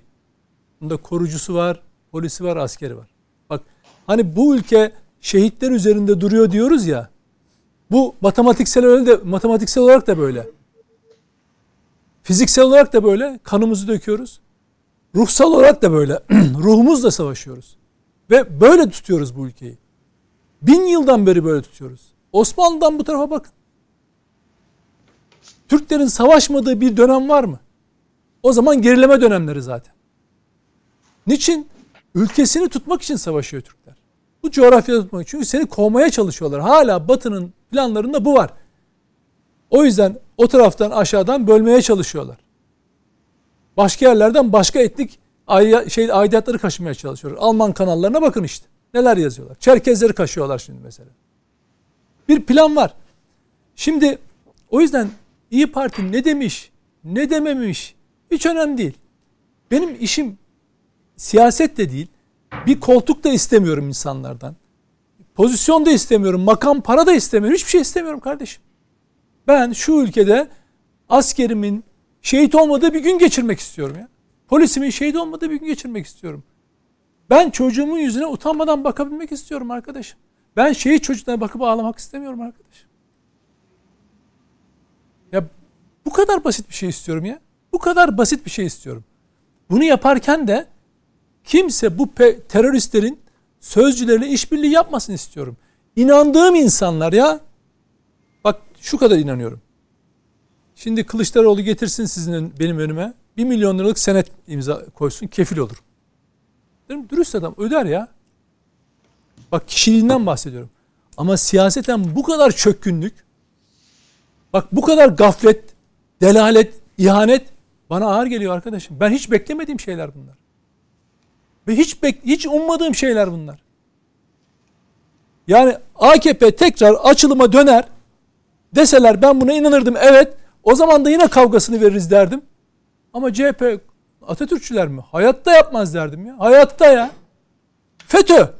CHP'nin kapısından geçemez derdim kardeşim. Ama Baykal'la bitmiş. Kaset kumpasının bir muradı var, şey niyeti varmış. 2012'den itibaren bütün FETÖ'cüler CHP Genel Merkezi'nde. Geçen gün Yılmaz Ateş söylüyor. Yahu diyor bir genel başkanın diyor. Hani biz Erdoğan'a diyoruz ya. Ya bütün yaverleri FETÖ'cü çıktı. E, Kılıçdaroğlu'nun da 5 tane danışmanı FETÖ'cü çıktı kardeş. Yani oluyor bunlar. Ve biz diyoruz ki Cumhurbaşkanı'na da söylüyoruz, Kılıçdaroğlu'na da söylüyoruz. Arkadaş bu ülkeyi sevmekte beraber olacağız. Başka yolu yok. Ben yoksa lafımla size karşı duracağım. Sözümle size karşı duracağım. Dolayısıyla şeyin ne yaptığı önemli değil. İyi Parti'nin burada ne düşündüğü hiç zerre kadar önemli değil. Bak zerre kadar önemli değil. Onlar da milliyetçiliği kullanıyorlar. Bu ülkede muhafazakarlık, İslamcılık konusunda AKP politikalarıyla beraber toplumda inanılmaz bir güven zafiyeti yaşandı. O açılım süreçleri, AB'cilik, Avrupa Birlikçilik, değil mi? O bütün o süreçleri yaşanıyor. FETÖ'yle işbirliği süreçlerini düşünün. Muhafazakar dünyadaki çatlamaları düşünün o anlamda. Güven ne oldu? Bak kime güven kime insanlarda kime karşı güven kaybı oldu? Erdoğan'a karşı mı? Bugün hala AKP tabanında, seçmeninde ona karşı inanılmaz bir güven var. AKP'ye oy verenlerin %90'ı hatta daha fazlası Erdoğan için oy veriyor. Yani kişisel olarak güven konusunda bir problem yok. Ama ne oldu? Ne tartışması çıktı? Deist, ateist. FETÖ'cülere bakıp ulan din buysa dediler adamlar dinden uzaklaştılar. Televizyonda çoluğa çocuğa sarkan soytarı kılıklı adamlar, koca koca sakallı adamlar, abuk sabuk konuşan adamlar dinden soğuttu. Ne oldu bak? İnancımızda zafiyet. Şimdi neye geldi sıra? Bu ülkenin en temel direklerinden biri Atatürkçülüğe geldi. Neye geldi sıra? Milliyetçiliğe. Uğur Mumcu'nun bir sözü vardır. Batı'nın en çok korktuğu şey Türkiye'deki milliyetçilik duygusudur. Atatürk'ün de en çok üzerine durduğu şey budur biliyor musun? Türklerin içindeki o ulusal bağımsızlıkçı, o milliyetçiliği bu anlamda, etnik olarak değil. Çünkü biz Diyapa'ya örnek verdik. Türkler, Türkler beraber savaştık. Araplar beraber savaştık bu ülkede. Kurtuluş Savaşı'nda beraberdik. Şimdi ne oldu? Yerel seçimlere doğru giderken bu Kılıçdaroğlu yönetimi Kandil'deki teröristler İmamoğlu'nun adını ağzına almaya başladılar. Televizyonlardan yalvardan yakardım ya. Ya şunlara bir laf söyleyin kardeşim. Şunların ağzına vurun ya. Hani kürekle vurun der gibi bir laf vurun arkadaş şunlara ya. Adınızı al, almasın. Siz bu ülkenin seçmeninden oy alacaksınız. Onlar politika belirlemesinler. Yok. Seçimlerin olduğu akşam Habertürk'teydik galiba Mete beraberdik. Yok ben yok. O akşam şunu söyledim ki nasıl dedim İslamcılık, muhafazakarlık lekelendiyse bu işlenen e, açılım süreçleri dahil olmak üzere şimdi dedim Atatürkçülük ve milliyetçilik üzerinden yürüyecekler. Ve bak ne oldu biliyor musun? Atatürkçü tabanın göreceksiniz seçim sonuçları be, ge, ge, çıksın ortaya sonucuna göre Kılıçdaroğlu'nu yerden yere vuracaklar. Bak yerden yere vuracaklar. Küfür edecekler. Ve dönecekler Atatürkçülüğü arayacaklar. Ben öyle demiştim. Selahattin Demirtaş'ın oyunuyla tiyatro oyununa gittiler. Dedim ki alkışlıyorsunuz şimdi. Ama ileride ne için kullanıldığını anladığınız zaman alkışladığınız ellerinizde yüzünüzü kapatacaksınız ama geç olacak dedim. Yani e, çünkü şehitleri düşündüğünüz zaman nelerde kullanıldığınızı anlayacaksınız. AKP tabanı anlamadı mı? FETÖ'yle e, FETÖ konusunda Erdoğan ne dedi? Kandırıldık Allah bizi affetsin. O noktaya gelecekler. Bir tek vatanseverler yanılmazlar hocam. Bu ülkede bir tek vatanseverler yanılmazlar. Şimdi dolayısıyla olaya ben öyle bakıyorum. İyi Parti öyle demiş. İyi Parti ne olacak ki? Şey neydi adı? Akşener. Önce kahvaltı daveti gelirse şey davet ederim gelir gider dedi. Sonra PKK'yı HDP'nin yanına konumlandırdı. Ondan sonra muhataptır, meşrudur dedi bu e, Kürt sorunu meselesinde. En son yine döndü e, PKK'nın yanına konumlandırıyorum dedim ya falan dedi. Ne olacak ki? Meral Akşener yarın da başka bir şey söyler. Hiç önemli değil. Yavuz Ağar Ağaroğlu var. Ona çıkar bir açlama yaptırırlar. Milliyetçilerin gazını alırlar. Bak kötü olan şu Serhat kardeşim. Olan en temel bizim kavram benim benim gelecek kuşağıma taşıyacağım değerlerim, inancım. Ee, siyasi dü- dünyam yani Atatürkçülük üzerinden bağımsızlıkçı, milliyetçilik duygusuyla yüklü bu ülkede benim yaşamımı sağlayan duygularım. Tamam Şimdi sen bunlar bunlara inancı sarstığın zaman kim kazanır biliyor musun? Emperyalistler kazanır. Atatürk'ü en çok suçladıkları emperyalistlerin şey neydi? Bozkurt, işte milliyetçi, ultra milliyetçi. E boşu boşuna. Ergenekon, Ergenekon. Ergenekon. Ha ergen Ergenekon sonra sonra bu ülkede yani. seven bu ülkesini seven insanları ergenekoncu deyip ne ne anlatmaya çalıştılar? Batı ne yapmaya çalıştı? Herkes neye inandı? Ergenekon gibi bir şey destanımızı bir terör örgütüyle yana getirdiler. Niye? Bu ülkedeki o milliyetçi duyguyu şey E bugün- e, öldürmek için. Bugünden şey İşte bu- bugün ülke bu ocak- noktaya- ülke ocaklarının terör listesini alıyor, al- almaya çalışıyor. Bugün bugün bu noktaya geldik. Dolayısıyla onların ne düşündüğü önemli değil. Bir başka konuda şunu söyleyeyim. Kısa lütfen. Ha kısa. O zaman ben söylemeyeyim. Başkası. onun kısası verir. olmaz çünkü. Yok yani şey. Bir cümleyle. Şimdi şöyle. E, Kısa cümlesi olmaz. O yüzden yanlış anladım. Deneyelim. AKP MHP'nin politikasına katılması konusunda CHP'nin dedi ya. Gerek de yok ki. Ya onlardan daha milliyetçi ol. Onlar da PKK ile onlardan onlardan çok daha iyi PKK ile mücadele edeceğini örnekleriyle ama bak Demirtaş'a sahip çıkarak PKK HDP'ye sahip çıkarak değil. Somut göstererek. Öyle ol. Bak o partinin ilkelerinde bunlar var kardeşim. Dokusunda var. Göreceksiniz. O tekrar oruk tekrar canlanacak. Bakmayın Kılıçdaroğlu da orada çakılı çivi değil. Göreceksiniz. O günler gelecek bu ülkede. Peki. Ee, geçiyorum ekonomi başlığına ve Sayın Dursun Çiçek'le bu etabı başlatıyoruz. Ee, hayat pahalılığı, stokçuluk, e, önlenemeyen zamlar halkın bir numaralı gündem maddesi. Bütün bunları konuştuk. Ee, basına yansıdığı şekliyle değerlendirdik. Konuklarımızın görüşlerini aldık ama e, bir numaralı gündem maddesi bu olmaya devam ediyor. Ee, bir yandan da Yeni Ekonomi Bakanı Sayın Nurettin Nebati'nin açıklamaları bugün çokça tartışıldı. Ee, yeni ekonomi modeli tutmazsa üzülürüm ifadelerinden bir tanesi. Ee, ben eve boynu bükük dönemem. Dışarıdan en çok talt- tartışılan kısımlardan biri buydu. dövizle ilgili dışarıdan herhangi bir saldırı söz konusu değil. İçeride manipülasyon ya da çeşitli spekülatif hareketlerle dövizde yükseliş sağlanıyor dedi. Neden tartışıldı bu açıklama? Çünkü e, ilk dolardaki yükseliş e, 10 lira ve üzerindeki yükseliş başladığında dışarıdan bir müdahaleden, bir saldırıdan, bir ekonomik operasyondan bahsedilmişti. Ona atıfla e, tartışmalara yol açtı Sayın Ekonomi Bakanı'nın bu açıklamaları.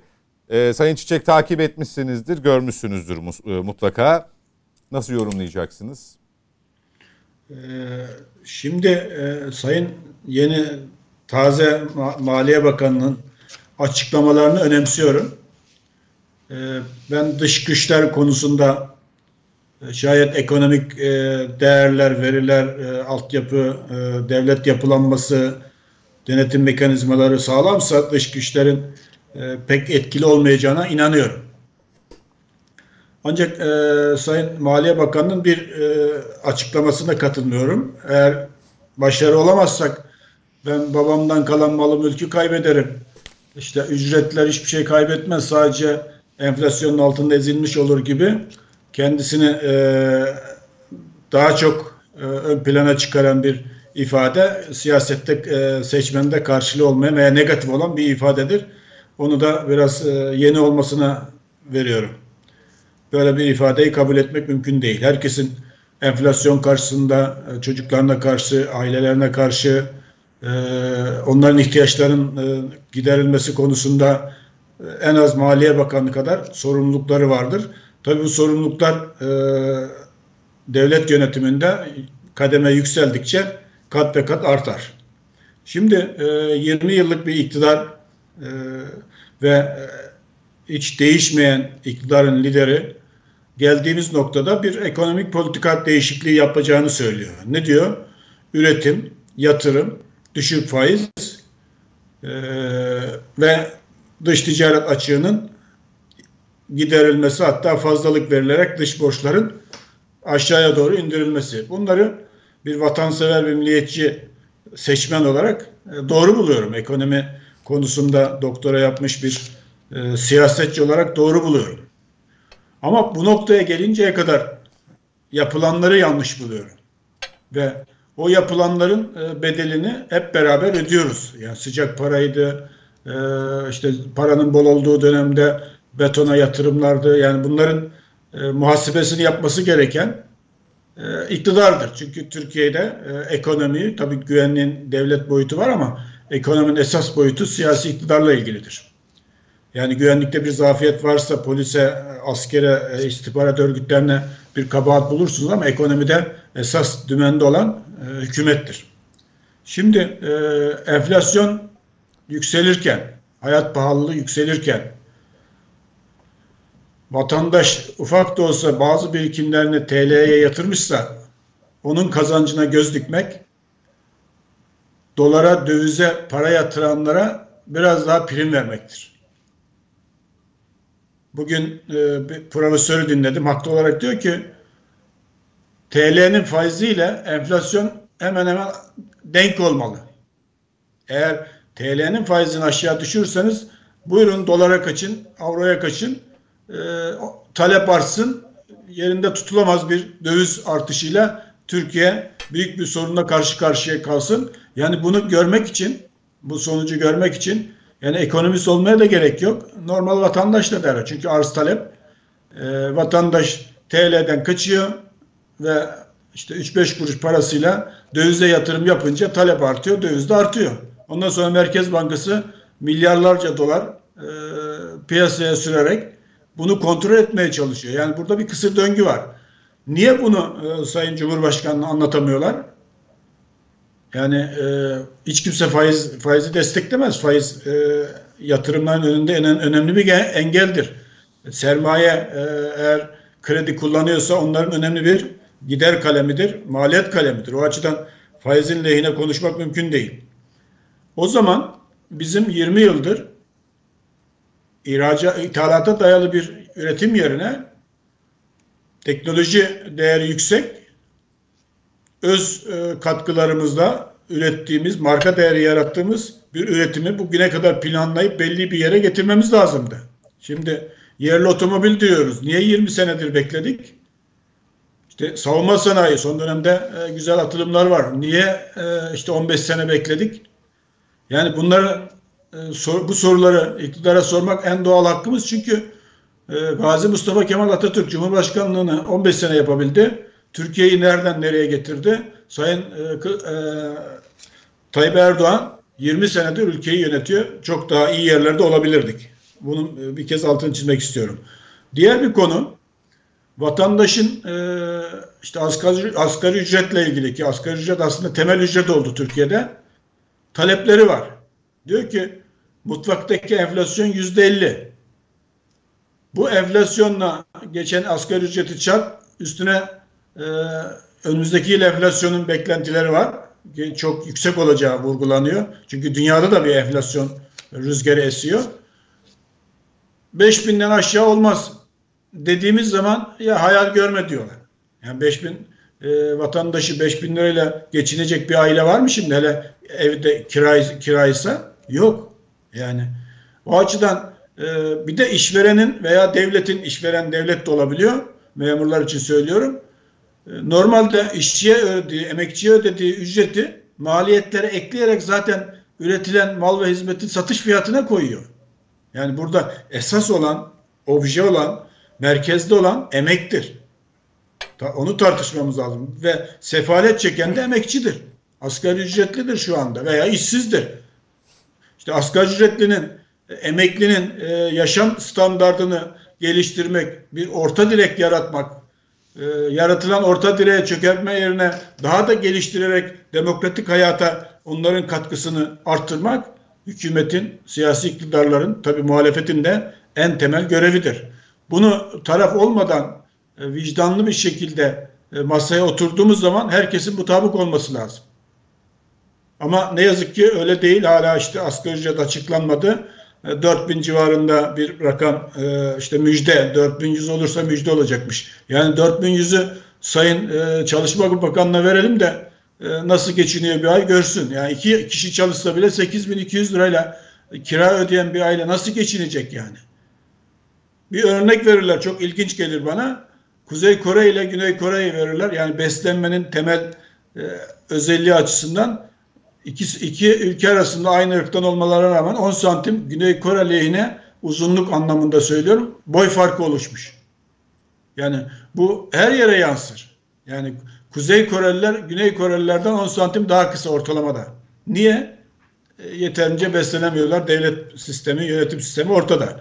O açıdan e, geçmişteki eksikleri giderip dış ticaret fazlalığına dayalı, üretime dayalı, teknoloji ağırlıklı yatırıma dayalı e, politikalar, düşük faiz politikalarını destekliyoruz.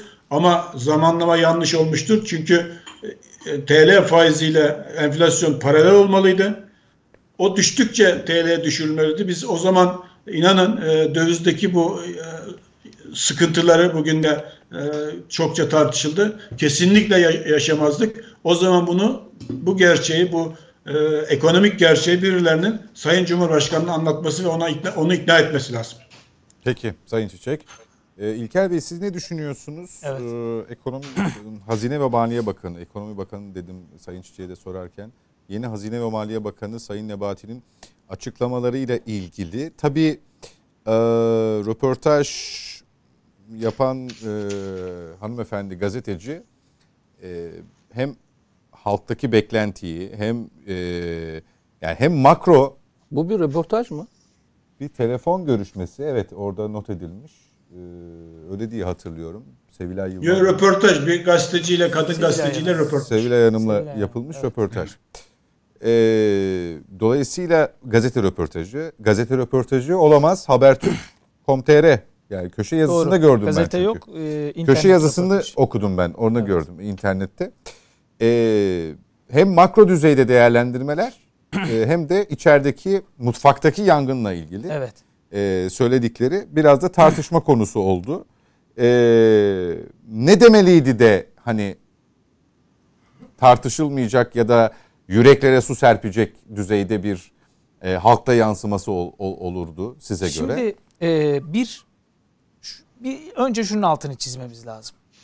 Şu anda yaşadığımız sıkıntı boğazımıza kadar dolara batmış olmamızın getirdiği problemler 24 Ocak 1980'den günümüze yığılan problemlerdir.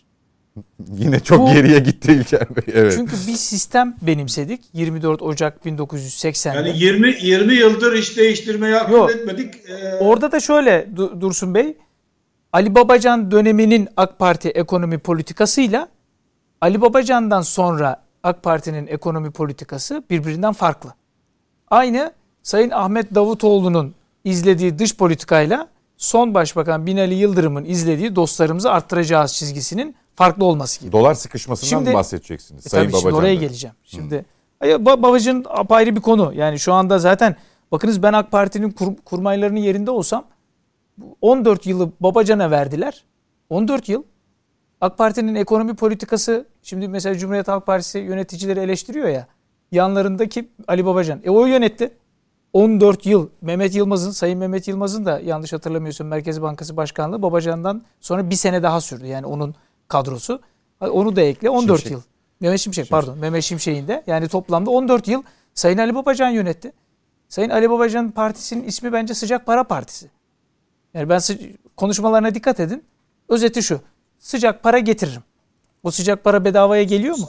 Yani sen Antalya Körfezi'ne girersen sıcak para İlker gelir. Bey, e, Bu- Cumhurbaşkanı böyle demiyor. Cumhurbaşkanı diyor ki ben yönettim diyor. Şimdi- o teneke diyor. Şimdi Yani- ben de o yüzden Altı- cümleye şöyle başladım. 6-0 konusunda. Evet. Ee, Cümleye şöyle başladım o yüzden. Ben AK Parti kurmaylarının yerinde olsam milletimize şunu yalın açıklıkla nasıl FETÖ ile ilgili e, affetsin dedi ve hatalar kabul ediliyor. Burada da ekonomide ikinci yani ekonomide kurtuluş savaşı veriyorsak ki bence şu öyle bir süreçte Türkiye dolardan kurtuluş e, savaşı içerisinde şu anda Türk liramızı kurtarmaya çalışıyoruz. Ezilme yani Türk lirasını Türk Türkiye'de Değer egemen egemen kılmak istiyoruz değil mi? Özeti bu. Ama burada AK Parti Ali Babacan döneminde e, boğazına kadar dolara batan o 24 Ocak 1980'de başlayan süreci uyguladı. Bakınız şöyle özetleyeyim o süreci. Borçlan, ithal et, tüket, işler sarpa sarınca IMF'ye git. Sonra ucuz kredi al. Hazinenin kozmik odalarını aç. Arkasından da e, kemer sık. Para yetmeyince de özelleştir, vücudunu sat. Fabrikayı satmak vücut satmaktır. Biz fabrikalarımızı sat- niye satıyorduk? Borçlu e, bize baskı uyguluyorlardı. Bir bu. Bu çizginin devam ettiğinin altını çizmemiz lazım. AK Parti devrim gibi bir karar alarak bakınız devrim gibi bir karar aldı. Dedi, dedi ki ben bu süreci sonlandırıyorum artık. Bunun ilk işaretini Berat Bey verdi. Şu anda dedi Berat Bey sıcak parayla artık mealen söylüyorum görevdeyken çok kapsamlı bir konuşma yaptı. Bu sistem tıkan, tıkanmıştır dedi. Bundan sonra Türkiye'yi üreterek sıcak paraya bağımlı halden kurtarmamız lazım dedi. Berat Bey bunun adımlarını atmıştı. Hakkını teslim etmek gerekiyor. Sonra ben şimdi şuraya geleceğim. Bu süreç içerisinde AK Parti e, az önce söylediğim programı terk etme emarelerini göstererek bir e, zor döneme gir- girmeye karar verdi. Aslında kolay dönem. Yani şöyle zor dönem. Şöyle örnek vereyim. Hangi Mesela- dönem bu dönem? işte bu e, Türkiye'nin güvenlik politikaları, güvenlik paradigması değişince yani Amerika'dan gelen tehditlerle göğüs göğüse gelmeye başlayınca hani Amerika'nın desteklediği FETÖ'sü PKK'yı ezilince işte Suriye'nin kuzeyi ve Mavi Vatan'da bu güvenlik paradigmasını uygulayınca mecburen ve buna bağlı olarak ekonomide de güvenlik paradigman değişti. O yüzden Trump bizi tehdit etti. Dolarla e, sopa olarak kullandı değil mi? Türk ordusunun harekatı başladı. Doları sopa olarak salladılar e, tepemizde. Dolayısıyla burada bu güvenlik politikası mecburen ekonomide de bir makas değişikliğini beraberinde getirdi. Yani hem FETÖ'yü PKK'yı yani İlker Bey, Maliye Bakanı, tabii daha önce de Maliye Bakan Yardımcısı olduğu için konuya hakim biri. Diyor ki bir dış tehdit, dış, Onu da dış müdahale söyleyeceğim. yok diyor. Onu da söyleyeceğim. Bak o yani ben hayret ettim ona. Orada demek ki hala AK Parti ekonomi kurmayları içerisinde bu kadar görev değişikliğinin olmasının sebebi de hala bu söylediğim 24 Ocak 1980 programından kurtulma. Yani kurtulma ve zor dönem. İstersen onu bir- cümleyle bir, birazdan ifade edeceğim şu bozulmasın diye. Şimdi burada AK Parti'nin vurgu, şu vurgusu çok önemli. Dedi ki biz bir savaşa giriyoruz. Ama bu savaş zor bir savaş. Ve milletimizi de bu kurtuluş savaşına davet ediyoruz dedi değil mi? Şimdi bakın bu çok önemli bir karar. Çünkü ya dolarla yaşamayan borçlan, borçlan, borçlandıkça siyasi taviz ver. Bu çizgiye devam edeceğiz. Ya da Türk lirasını egemen kılacak bir üretim devrimini Türkiye'ye götürecek bir kaynakları yatırıma, üretime, istihdama ama tasarruf yaparak. Bakınız mesela tasarruf kelimesi kullanılmıyor. Tasarruf yapmazsan nasıl yatırım yapacaksın? Yani tasarruf yaparak yatırım yapabilirsin. Devleti, vatandaştan bahsetmiyorum. Devletin tasarruf yaparak yatırıma kaynakları yönlendirmesi lazım. Şimdi burada Söylenmediği şuraya için de uygulanmadı herhalde. aslında e, şöyle tasarrufun emareleri var. Bakınız bakanlıklar genelge yayınlıyor. Swap anlaşmalarıyla doların hareket alanını daraltmaya çalışıyor. Bu Be- Berat Bey döneminde başlayan önemli adımlardan biriydi. Bölge ülkeleriyle yerel para birimleriyle e, alışveriş. e, En son İran Meclis Başkanı buradaydı. Alınan kararlardan birisi İran'la Türkiye'nin kendi para birimiyle alışveriş yapabilecekleri bir banka sisteminin kurulmasıydı. işte İlker Bey. Şimdi burada şu önemli. Milletimize şunu açık yüreklilikle anlatmamız lazım. Bu FETÖ'yü temizleme kararı gibi tarihi bir karar. FETÖ 40 yıldır devlet olanaklarıyla büyüdü. Korundu. Devletin içerisinde yuvalandı. Ve e, biz o zaman 40 yıldır aydınlıkta FETÖ'yü işaret ettikçe bize bu dini bir gruptur. İşte bakın devlet içerisinde muteberdir falan izahları yapılıyordu. Şimdi de aynı FETÖ ile mücadele nasıl zor oldu? Yani 15 Temmuz gibi bir çılgınca meclisimizi bombalayan bir süreç e, içerisine girdi Türkiye ama ne yaptı? Ezdi geçti. Şimdi dolara ezme geçme zamanı. Nasıl olacak? Milletin üretim gücünü ateşleyerek olacak. Yani bizim milletimizin üretim gücünü ateşlememiz lazım. Yani üretim devrimiyle birlikte. Bu şuna benziyor. E, iki öküzden birini almak kararı gibi. Yani ben şunu kastetmiyorum. Milletimizin elindeki e, kaynağın bir bölümünü almayı kastetmiyorum. Yanlış anlaşılmasın. Ama bu kararlılık Atatürk'ün iki öküzden birini mücadeleye verme kararlılığı gibi bir kararlılık. Yani üç öküzünün olabilmesi için bir öküzünü vermen lazım. Bir, bu süreçte devlet eğer ben dolardan kurtulma savaşına giriyorum diyorsa Türk milleti de bu süreç içerisinde mesela dışarıdan ürettiği hiçbir şeyi dışarıdan almayacak. Mesela bu kararı alacak. Gümrükleri yükseltecek. Kamu iktisadi teşekkülleri yeniden oluşturacak. Gümrüklerimizi biz yıktık. Köylümüzü ak- akçesız bıraktık değil mi? Pamuğa, tütüne, Kemal Derviş döneminde kota konuldu. Burada da ben e, bakanın son açıklamalarında bu kararlılığı tam yani bu zor bir iş çünkü. Yani hele bir de siyasi iktidar açısından bir makas değişikliği bir kurtuluş kurtuluş savaşı bedelsiz olmuyor. Yani bu savaşta bu savaşın askeri kim? Ben o zaman bakanımıza soruyorum. Bu savaşın askeri kim? Yani ekonomide kurtuluş savaşının. Şöyle tamamlayacağım. Bu, bu çok hayır, önemli. Hayır, ben şimdi dolarla ilgili dediniz ya bu mücadele. Şimdi mesela biz bunun e, ilk sinyalini ne şekilde nasıl alacağız? Dolar 10 liraya mı düşecek? Ya da dolardaki düşüşe biz nasıl tanıklık edeceğiz? Neden soruyorum bunu? Bugün dördüncü müdahale geldi. Evet. Mesela E, bir miktar etkisi görülüyor. Bir iki saat sonra evet bakınız geldiği yerin daha da üstüne çıkıyor. Şimdi bakınız eğer siz dışarıdan müdahale yok diyerek izah bakınız bugün bakan çok önemli bir şey yaptı. TÜSİAD e, iş adamları ile 7 saatlik bir toplantı yaptı. Yani kredi çekip dolara yatıp şey stoklamayın dedi. Bankalara da üretime yöneliyoruz dedi. Bunlar Türkiye için tarihi olaylar. Çünkü Türkiye'de daha önce faizden, dolardan para kazananların Evet Sayın borusu Cumhurbaşkanı ötüyor. ekonomi Ha. zirvesi vardı Evet. bugün 4,5 Şimdi ben- saat sürdü. Ee, Serhat Latifoğlu şunu kısaca söyleyeceğim. Şöyle tamamlayayım. Bizim e, ekonomi yazarlarımızdan ben tavsiye ediyorum.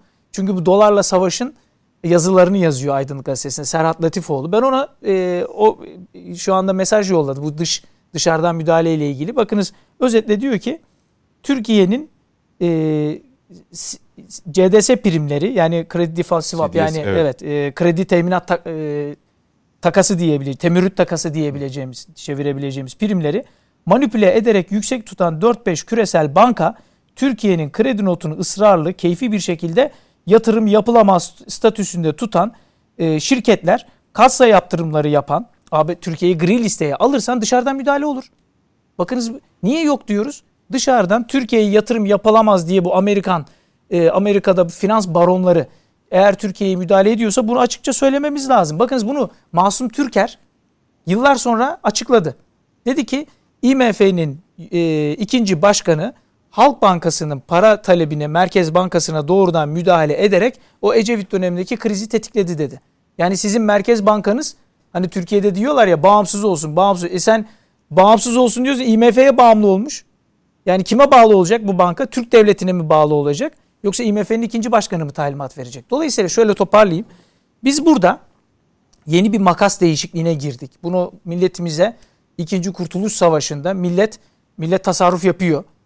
Yani millet şu anda bu savaşın içinde aslında. Ve, tasarruf e, yapmak zorunda. Tabii yapıyor, yapmak zorunda. Çok doğru dediniz. Ama burada devletin bütün organlarıyla milletin üretim gücünü ate... Ya mesela traktörünü haciz etmeyeceksin. Ben onun haberini yapmak istemiyorum açıkçası. Yapıyoruz çünkü. Yani mesela diyeceksin ki üret traktör. Mazotun da benden, gübre yani savaşı asker kim dedim ya. Şimdi bakınız bu ekonomide Kurtuluş Savaşı'nın askerleri işçi, köylü, iş adamı, esnaf bunlar asker aslında. Ekonomide Kurtuluş Savaşı'nın askerleri bunlar. Onları üretime ateşleyecek ve ben bir tasarruf devrimi yapıyorum. Tasarruf kelimesinden korkmayalım. Devlet tasarruf yapacak.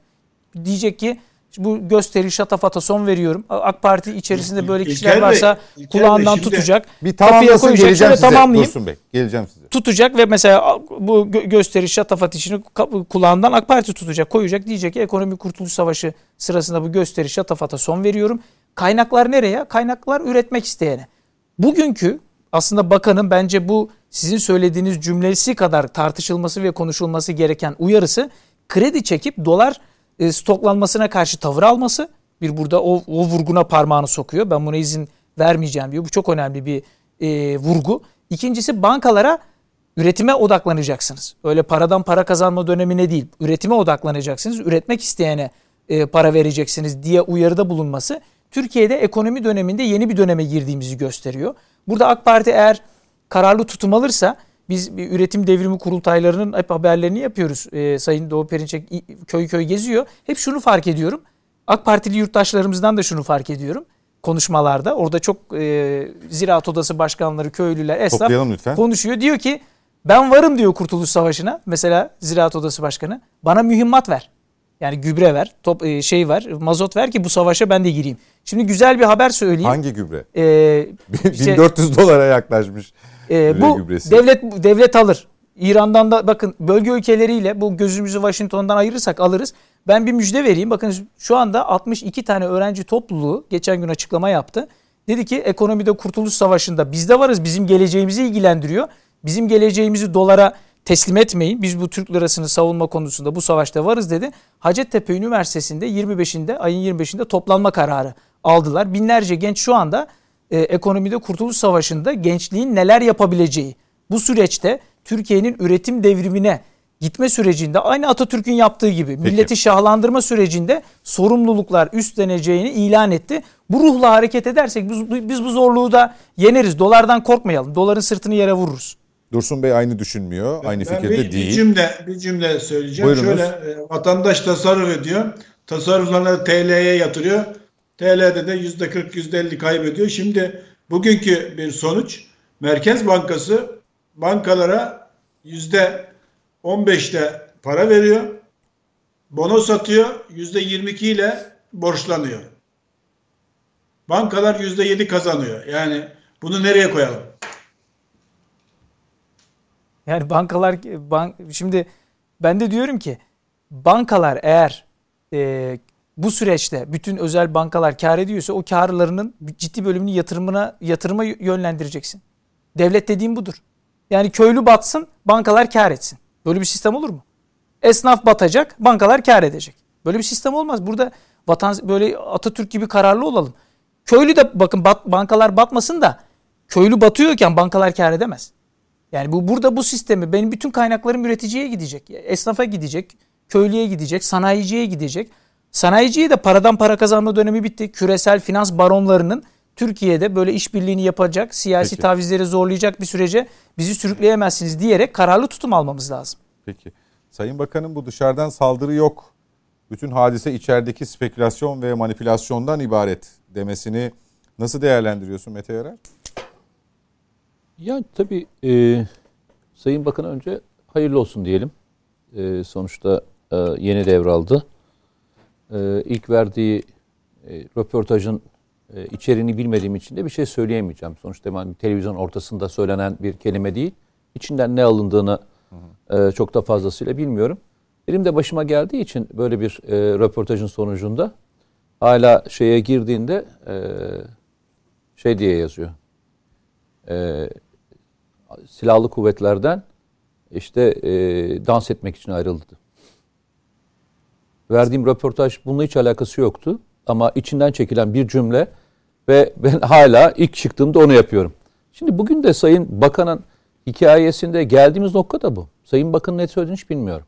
Yani bakan neyi ifade etti, neyi söyledi, bütünsel olarak hangi cümleleri anlatarak e, bunları söyledi bilmiyoruz. O yüzden de bugün ben Sayın Bakan'ın e, sürece ihtiyacı olduğunu düşünüyorum ve ben veriyorum. Yani sonuçta bugünlerde böyle bir e, ateşten e, gömlek bu üstüne giydi. Kolay bir şey değil. O yüzden bir görelim. Ne yapacak, ne konuşacak, e, söylemlerinin bütünlüğüne bakacağım ve ondan sonra eleştirme e, yapacağım. İlk söylemiyle ilgili bir şey söylemeyeceğim. Herkesin bir kredisi vardır. Bende de bir kredisi var ve o krediyi e, beraber izleyeceğim. Çok ilginçtir.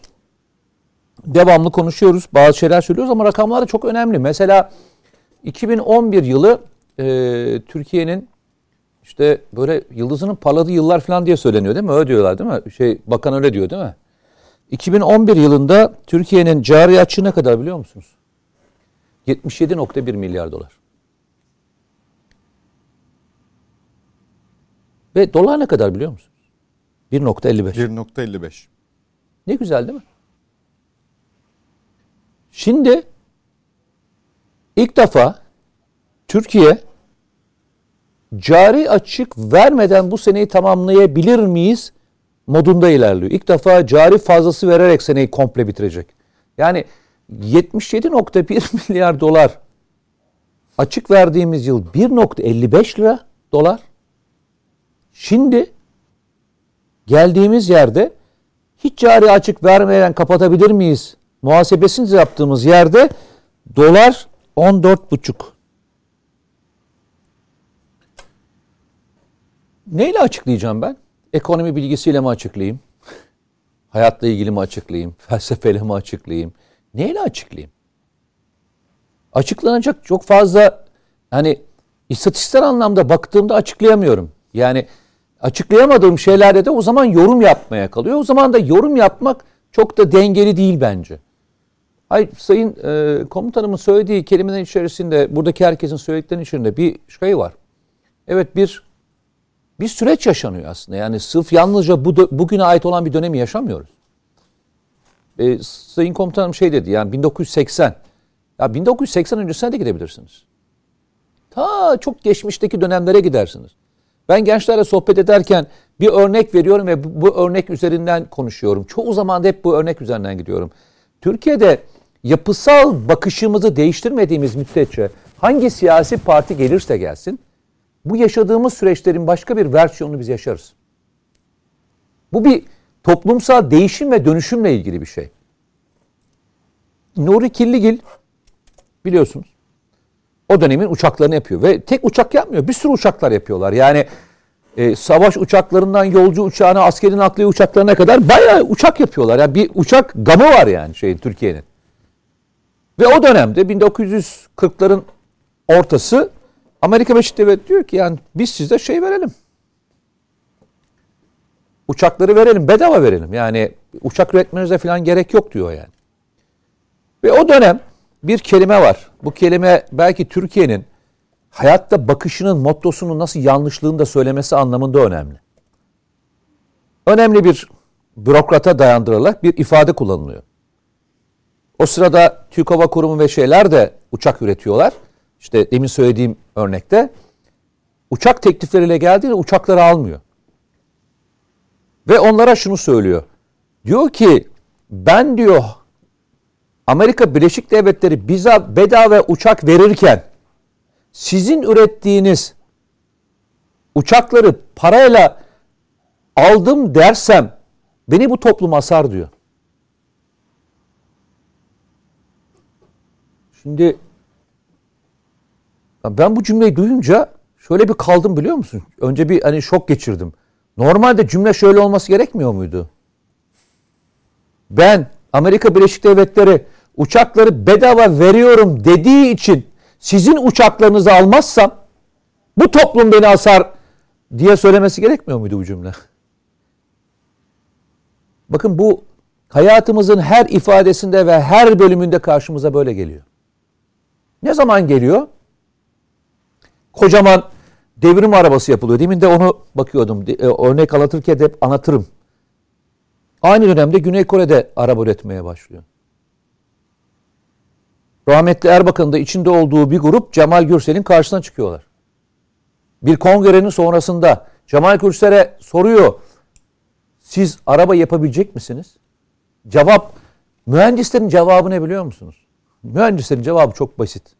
Diyor ki bize araba yaptırmayacaklar diyor. Yapamayız diye bir cevap yok.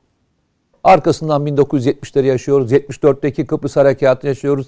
80 darbesi, 80 sonrasındaki yaşanan süreçler, 90'lı yıllar hep hayatımızın bir bölümünde bizim anlamlandıramadığımız ama başkaları tarafından çok anlamlandırılan dönemlerimiz var. İşte demin söylüyorum ya 2011 yılı 77.1 milyar dolarlık cari açık verdiğimiz bir dönem. 77.1 milyar dolar. 2011 yılının da şeyini hesaplama. Alım gücünü. Yani 77.1 milyar dolarla o dönemde ne alabiliyorsun? Dünyada ne alabiliyorsun? Onu da öyle hesaplayarak düşün. 77.1 milyar dolarla açık verdiğin yerde tık yok şeyde. Dövize tık yok. Ne oldu arkadaş 2011'den sonra Türkiye'de? Hadi gelin hep beraber bakalım mı? bir bakın ya. 2011 yılından beri Türkiye'de neler yaşanıyor? Arka arkasına ne yaşandı? Bu yaşananların hiçbirinin bu Türkiye'nin ekonomisine bir şey olmadı değil mi? Hiçbir etkisi olmadı değil mi? Hiç sancısı yaşanmadı. Olumsuz. Veya Trump gibi adamlar böyle yalan söylediler. Seni dolarla cezalandıracağım diye. Veya Rand Corporation gibi raporlarda Türkiye'nin artık operasyonları engellemek için yapabileceğimiz bir silah ambargosu kalmadı. Bundan sonra yapacağımız tek şey ekonomi üzerinden olabilir diye o koca koca raporları ben yazdım çünkü. Ben yazdım. İşim gücüm yok. Amerikalılar da bize yalan söylediler öyle mi? Yani Trump parmağını boşa salladı öyle mi? Bunların her birini bir yere koyarak ilerleyemezsiniz arkadaşlar. Bütün göstergeleri, bütün her şeyi bugün itibariyle bakarsan anlayamazsın. Ben Cumhuriyet kurulduğu andan itibaren Atatürk'ün başlangıç felsefesinden itibaren ilk söylediği ibareler benim için her zaman çok önemlidir. Diyor ki milli güç unsurlarını çağrıştırırken ve yaparken söylediklerinden bir tanesi ekonomik, ekonomik bağımsızlıktan bahsediyor. Ekonomik bağımsız olamazsanız diyor sizin üzerinizdeki oynanacak oyunları engelleyemezsiniz. O yüzden denge politikasını gidiyor. Hangi denge politikasını gidiyor? Bütçe denkliğini tutturmaya çalışıyor. Bir yerlerden borç almadan ülkeyi kendi imkanları kalkındırmaya çalışıyor. Ama ben söylüyorum bunu yaparken Atatürk o sırada insanları da konsulde ediyor. Bizim belki bugün oturup beraber hep beraber şunu yapmamız gerekiyor. Şu sorularla gitmemiz gerekiyor. Ya arkadaşlar biz bu saldırıları yalnızca Tayyip Erdoğan'a mı yaptılar? Yoksa bu saldırıların hedefinde olan bir bir ülke miyiz? Yani Sayın Cumhurbaşkanı aldığınızda yerine başka bir şahsı koyduğunuzda Akdeniz politikasından vazgeçer, vaz mı geçeceğiz? Veya PKK politikasından yani PKK'yı bitirme politikasından vaz mı Terörle geçeceğiz? mücadeleden vaz mı? Vaz mı geçeceğiz? Yok. O zaman bu saldırıların fonksiyonlarını görmeye de devam edeceğiz. O zaman şöyle söyleyelim mi? Yani dış faktörler yok mudur? Ya dış faktörler vardır. Hangi anlamda vardır ben sana söyleyeyim yani. Sonuçta kredi derecelendirme kuruluşları babanın hayrına mı veriyor senin şey notunu? Yani Mısır'ın durumu bizden daha mı iyi? Yunanistan'ın Yunanistan derecelendirme kuruluşlarında ekonomisinin tamamı neredeyse turizmle ilgili olurken batmış bir ülkenin kredi notu benden daha mı iyi olacak yani? Benim ilk defa söylüyorum bak ilk defa enerjiyi çıkarttığında Türkiye üretim ve tüketim dengesinde 118 yakaladı. Yani üretim ilk defa aldığından daha fazlasını. Şimdi arkadaş 10 yıldır 15 yıldan beri de enerjiyle ilgili bir atılım var. Yani sismik gemilerin alınması, diğerlerinin alınması hiçbir şeyi yarından sabaha değiştiremiyorsunuz. Keşke hep beraber şunu yapabilsek. Gidenimizin gidenimizin elimizdeki mal varlıklarının yalnızca cebimizdeki mal varlığı olmadığını, bu ülkenin yıllardan beri, yüz yıldan beri üretmiş olduğu bütün birikim olduğunu hep beraber anlayabilsek. Ve kavgamızı bunun üzerine yapabilsek. Ben CHP'yi, İyi Parti'yi veya diğer partileri AK Parti'nin AK Parti kötü yönettiği için değil. AK Parti'den daha iyi yöneteceği için daha seçebileyim.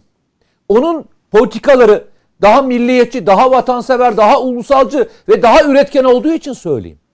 Ama şimdi öyle noktaya geldik ki bugün bazı insanların genele gitmiyorum. Hala özeldeyim. Özel insanların söylemleri üzerinden gidiyorum. Batsın da dünya ne olursa olsun hikayesini çalan adamlar var. Sayın komutanım çok doğru söylüyor. Bizim korumamız gerekenlerden bir tanesi TL'ye güvenen insanları korumak. Bugün belki eleştirebileceğim ve daha çok eleştirdiğim konulardan bir tanesi de o. Önce merminizi tamamlarsınız, sonra savaşa girersiniz. Önce savaşa girip sonra merminizi girmezsiniz. Peki. Çünkü savaşı açmak için karar ve zaman size aittir. Bugünkü durumda, konjüktürde, dünya konjüktüründe, pandemi sürecinde, pandeminin yarattığı enflasyon baskısında ve diğerlerinde bence biraz daha sakin olup bu süreci yönetip üretim modeline devam edip arkasından Sayın Komutanın da söylediği gibi enflasyon düştükçe faiz aşağı doğru çekecek bir politikaya girebilirdik. Benim burada eleştire, eleştirdiğim, başından beri bu olayları yaşanırken eleştirdiğim konulardan bir tanesi bu. TL'ye güvenen insanı niye cezalandırıyoruz ki? TL'de kalan insan fakirleşirken diğer insan niye çok para kazanıyor? Bu doğru değil. Bu doğru değil. Ülkesine güvenen, ülkesine yatırım yapan, ülkesine hizmet eden, ülkesiyle gelir geleceğini e, planlayan insanları yapalım. Hep beraber onları zenginleştirelim. Bunun için ama önce konuşmamız lazım. Peki. Dış güçler yok. İyi de o zaman 2011'de 77.1 milyar dolar açık varken niye 77.1 milyar doları nereden biz bulduk peki o dönemde? Nereden bulduk da bu parayı ödedik? Yani bizim o zaman 500 milyar dolarlık bir e, hazinede şeyimiz mi vardı? Bu parayı verdik. Nasıl verdik ya? Peki. Ee, teşekkür ediyorum. Süre çok daraldı. Son söz Nedim Şener'in e, ben, ekonomiyle ilgili. Şimdi o dış dış güç hikayesine bir örnek vermek istiyorum. Şimdi olayı dış güç dış güç diye bir şey yani kavramsal olarak dış güç diye bir şey yok. Amerika Birleşik Devletleri var. İngiltere var. Bazı Avrupa ülkeleri var. Yani emperyalizm var. Yani böyle dış güçler diye bugün e, çoluğun çocuğun ağzında mavra edilecek bir kavramdan bahsetmiyoruz. Teorisiyle, tarihsel sömürüsüyle emperyalizm var. Size da, ba, ba, şeytanı bir şey var. E, Olan Şüpheliler filminde bir replik vardır. Şeytanın en büyük becerisi kendisinin olmadığına inandırmaktır diye. Şeytanın en büyük becerisi bu. İşte Amerika öyle bir şey yapar. Bir illüzyon yapar. Öyle ajanlar kullanır ki siz dış güçler lafını ağzınıza alamazsınız. Oysa Hayır, zaten aldın, aldığında da dalga kavramsal dalga kavramsal geçer. olarak da zaten öyle kullanmamak lazım. Aynı bizim yaptığımız gibi. Mesela terörist Amerika vardır. Emperyalist istihbaratçı İngiltere vardır. Operasyoncu emperyalist Avrupa ülkeleri vardır. Almanya'sı vardır. Bunlar dünyanın kanını emerler. Batıdadırlar. E, yeraltı yerüstü kaynaklarından çokça zengin değildirler. Ama doğunun bütün kaynaklarını sömürürler. Bütün kavgalar da buraya dönüktür. Şimdi Karadeniz'de, Orta Doğu'da, Suriye'de, Arap coğrafyasında bizim ülkemizde stratejik olarak amaçları, yegane amaçları var. Buradaki, buradaki insanları sömürüp buradakileri refah içinde yaşatmak. Buradakiler aç kalıp kapıya dayanırsa botlarını denizde batırırlar. Geri iterler. Almazlar. Tellerle elektrik verirler. Bu arada kendi çıkarttıkları savaşın sonucunda olur bunlar da yalnız bu Onu arada. söylüyorum ya. yani. Onu anlatıyorum zaten. Yani burada onların kaynak mesela gider Afrika'nın kaynaklarını sömürürler. Kuzey Afrika'nın, Orta Afrika'nın, Güney'in Arap ülkelerinden iç savaş çıkartır, işgal ederler Irak, Afganistan gibi. Oradaki insanlar göçerler. Kapılarına geldiği zaman da insanlarını istemezler. Bak böylesine zalim bir emperyalist düzen var. Tabi sağ ve sol dünyada ideolojik olarak kayboldu, flulaştığı için artık insanlar o bu terminolojiyle konuşmuyorlar. Allah'tan Batılıların içinde yine anti emperyalistler var da onlardan okuyup görebiliyoruz yani. Bir Türkiye'de çünkü herkes emperyalist. misin? Süre çok daraldı. Ee, şimdi e, dış güçler konusunda size bir örnek vereceğim. Yani Amerika'dan örnek vereceğim yine. Amerika Dışişleri Bakanı geç bu haberi saklamıştım. Nasıl olsa dedim bir yerde şey gelecek bu. Bir, bir Aralık tarihli bir haber. Bu Ukrayna konusunda Amerika'ya kapışıyorlar şimdi. Anthony Blinken açıklama yapıyor. Ukrayna'ya karşı saldırgan davranması durumunda Rusya'ya ağır bedeller ödeteceğiz diyor. Ulan diyorum ki herhalde savaş ilan edecek. Yok ekonomi değil. Uzaktan füze atacak. Ee, NATO'yu devreye sokacak. Bak aynen şöyle.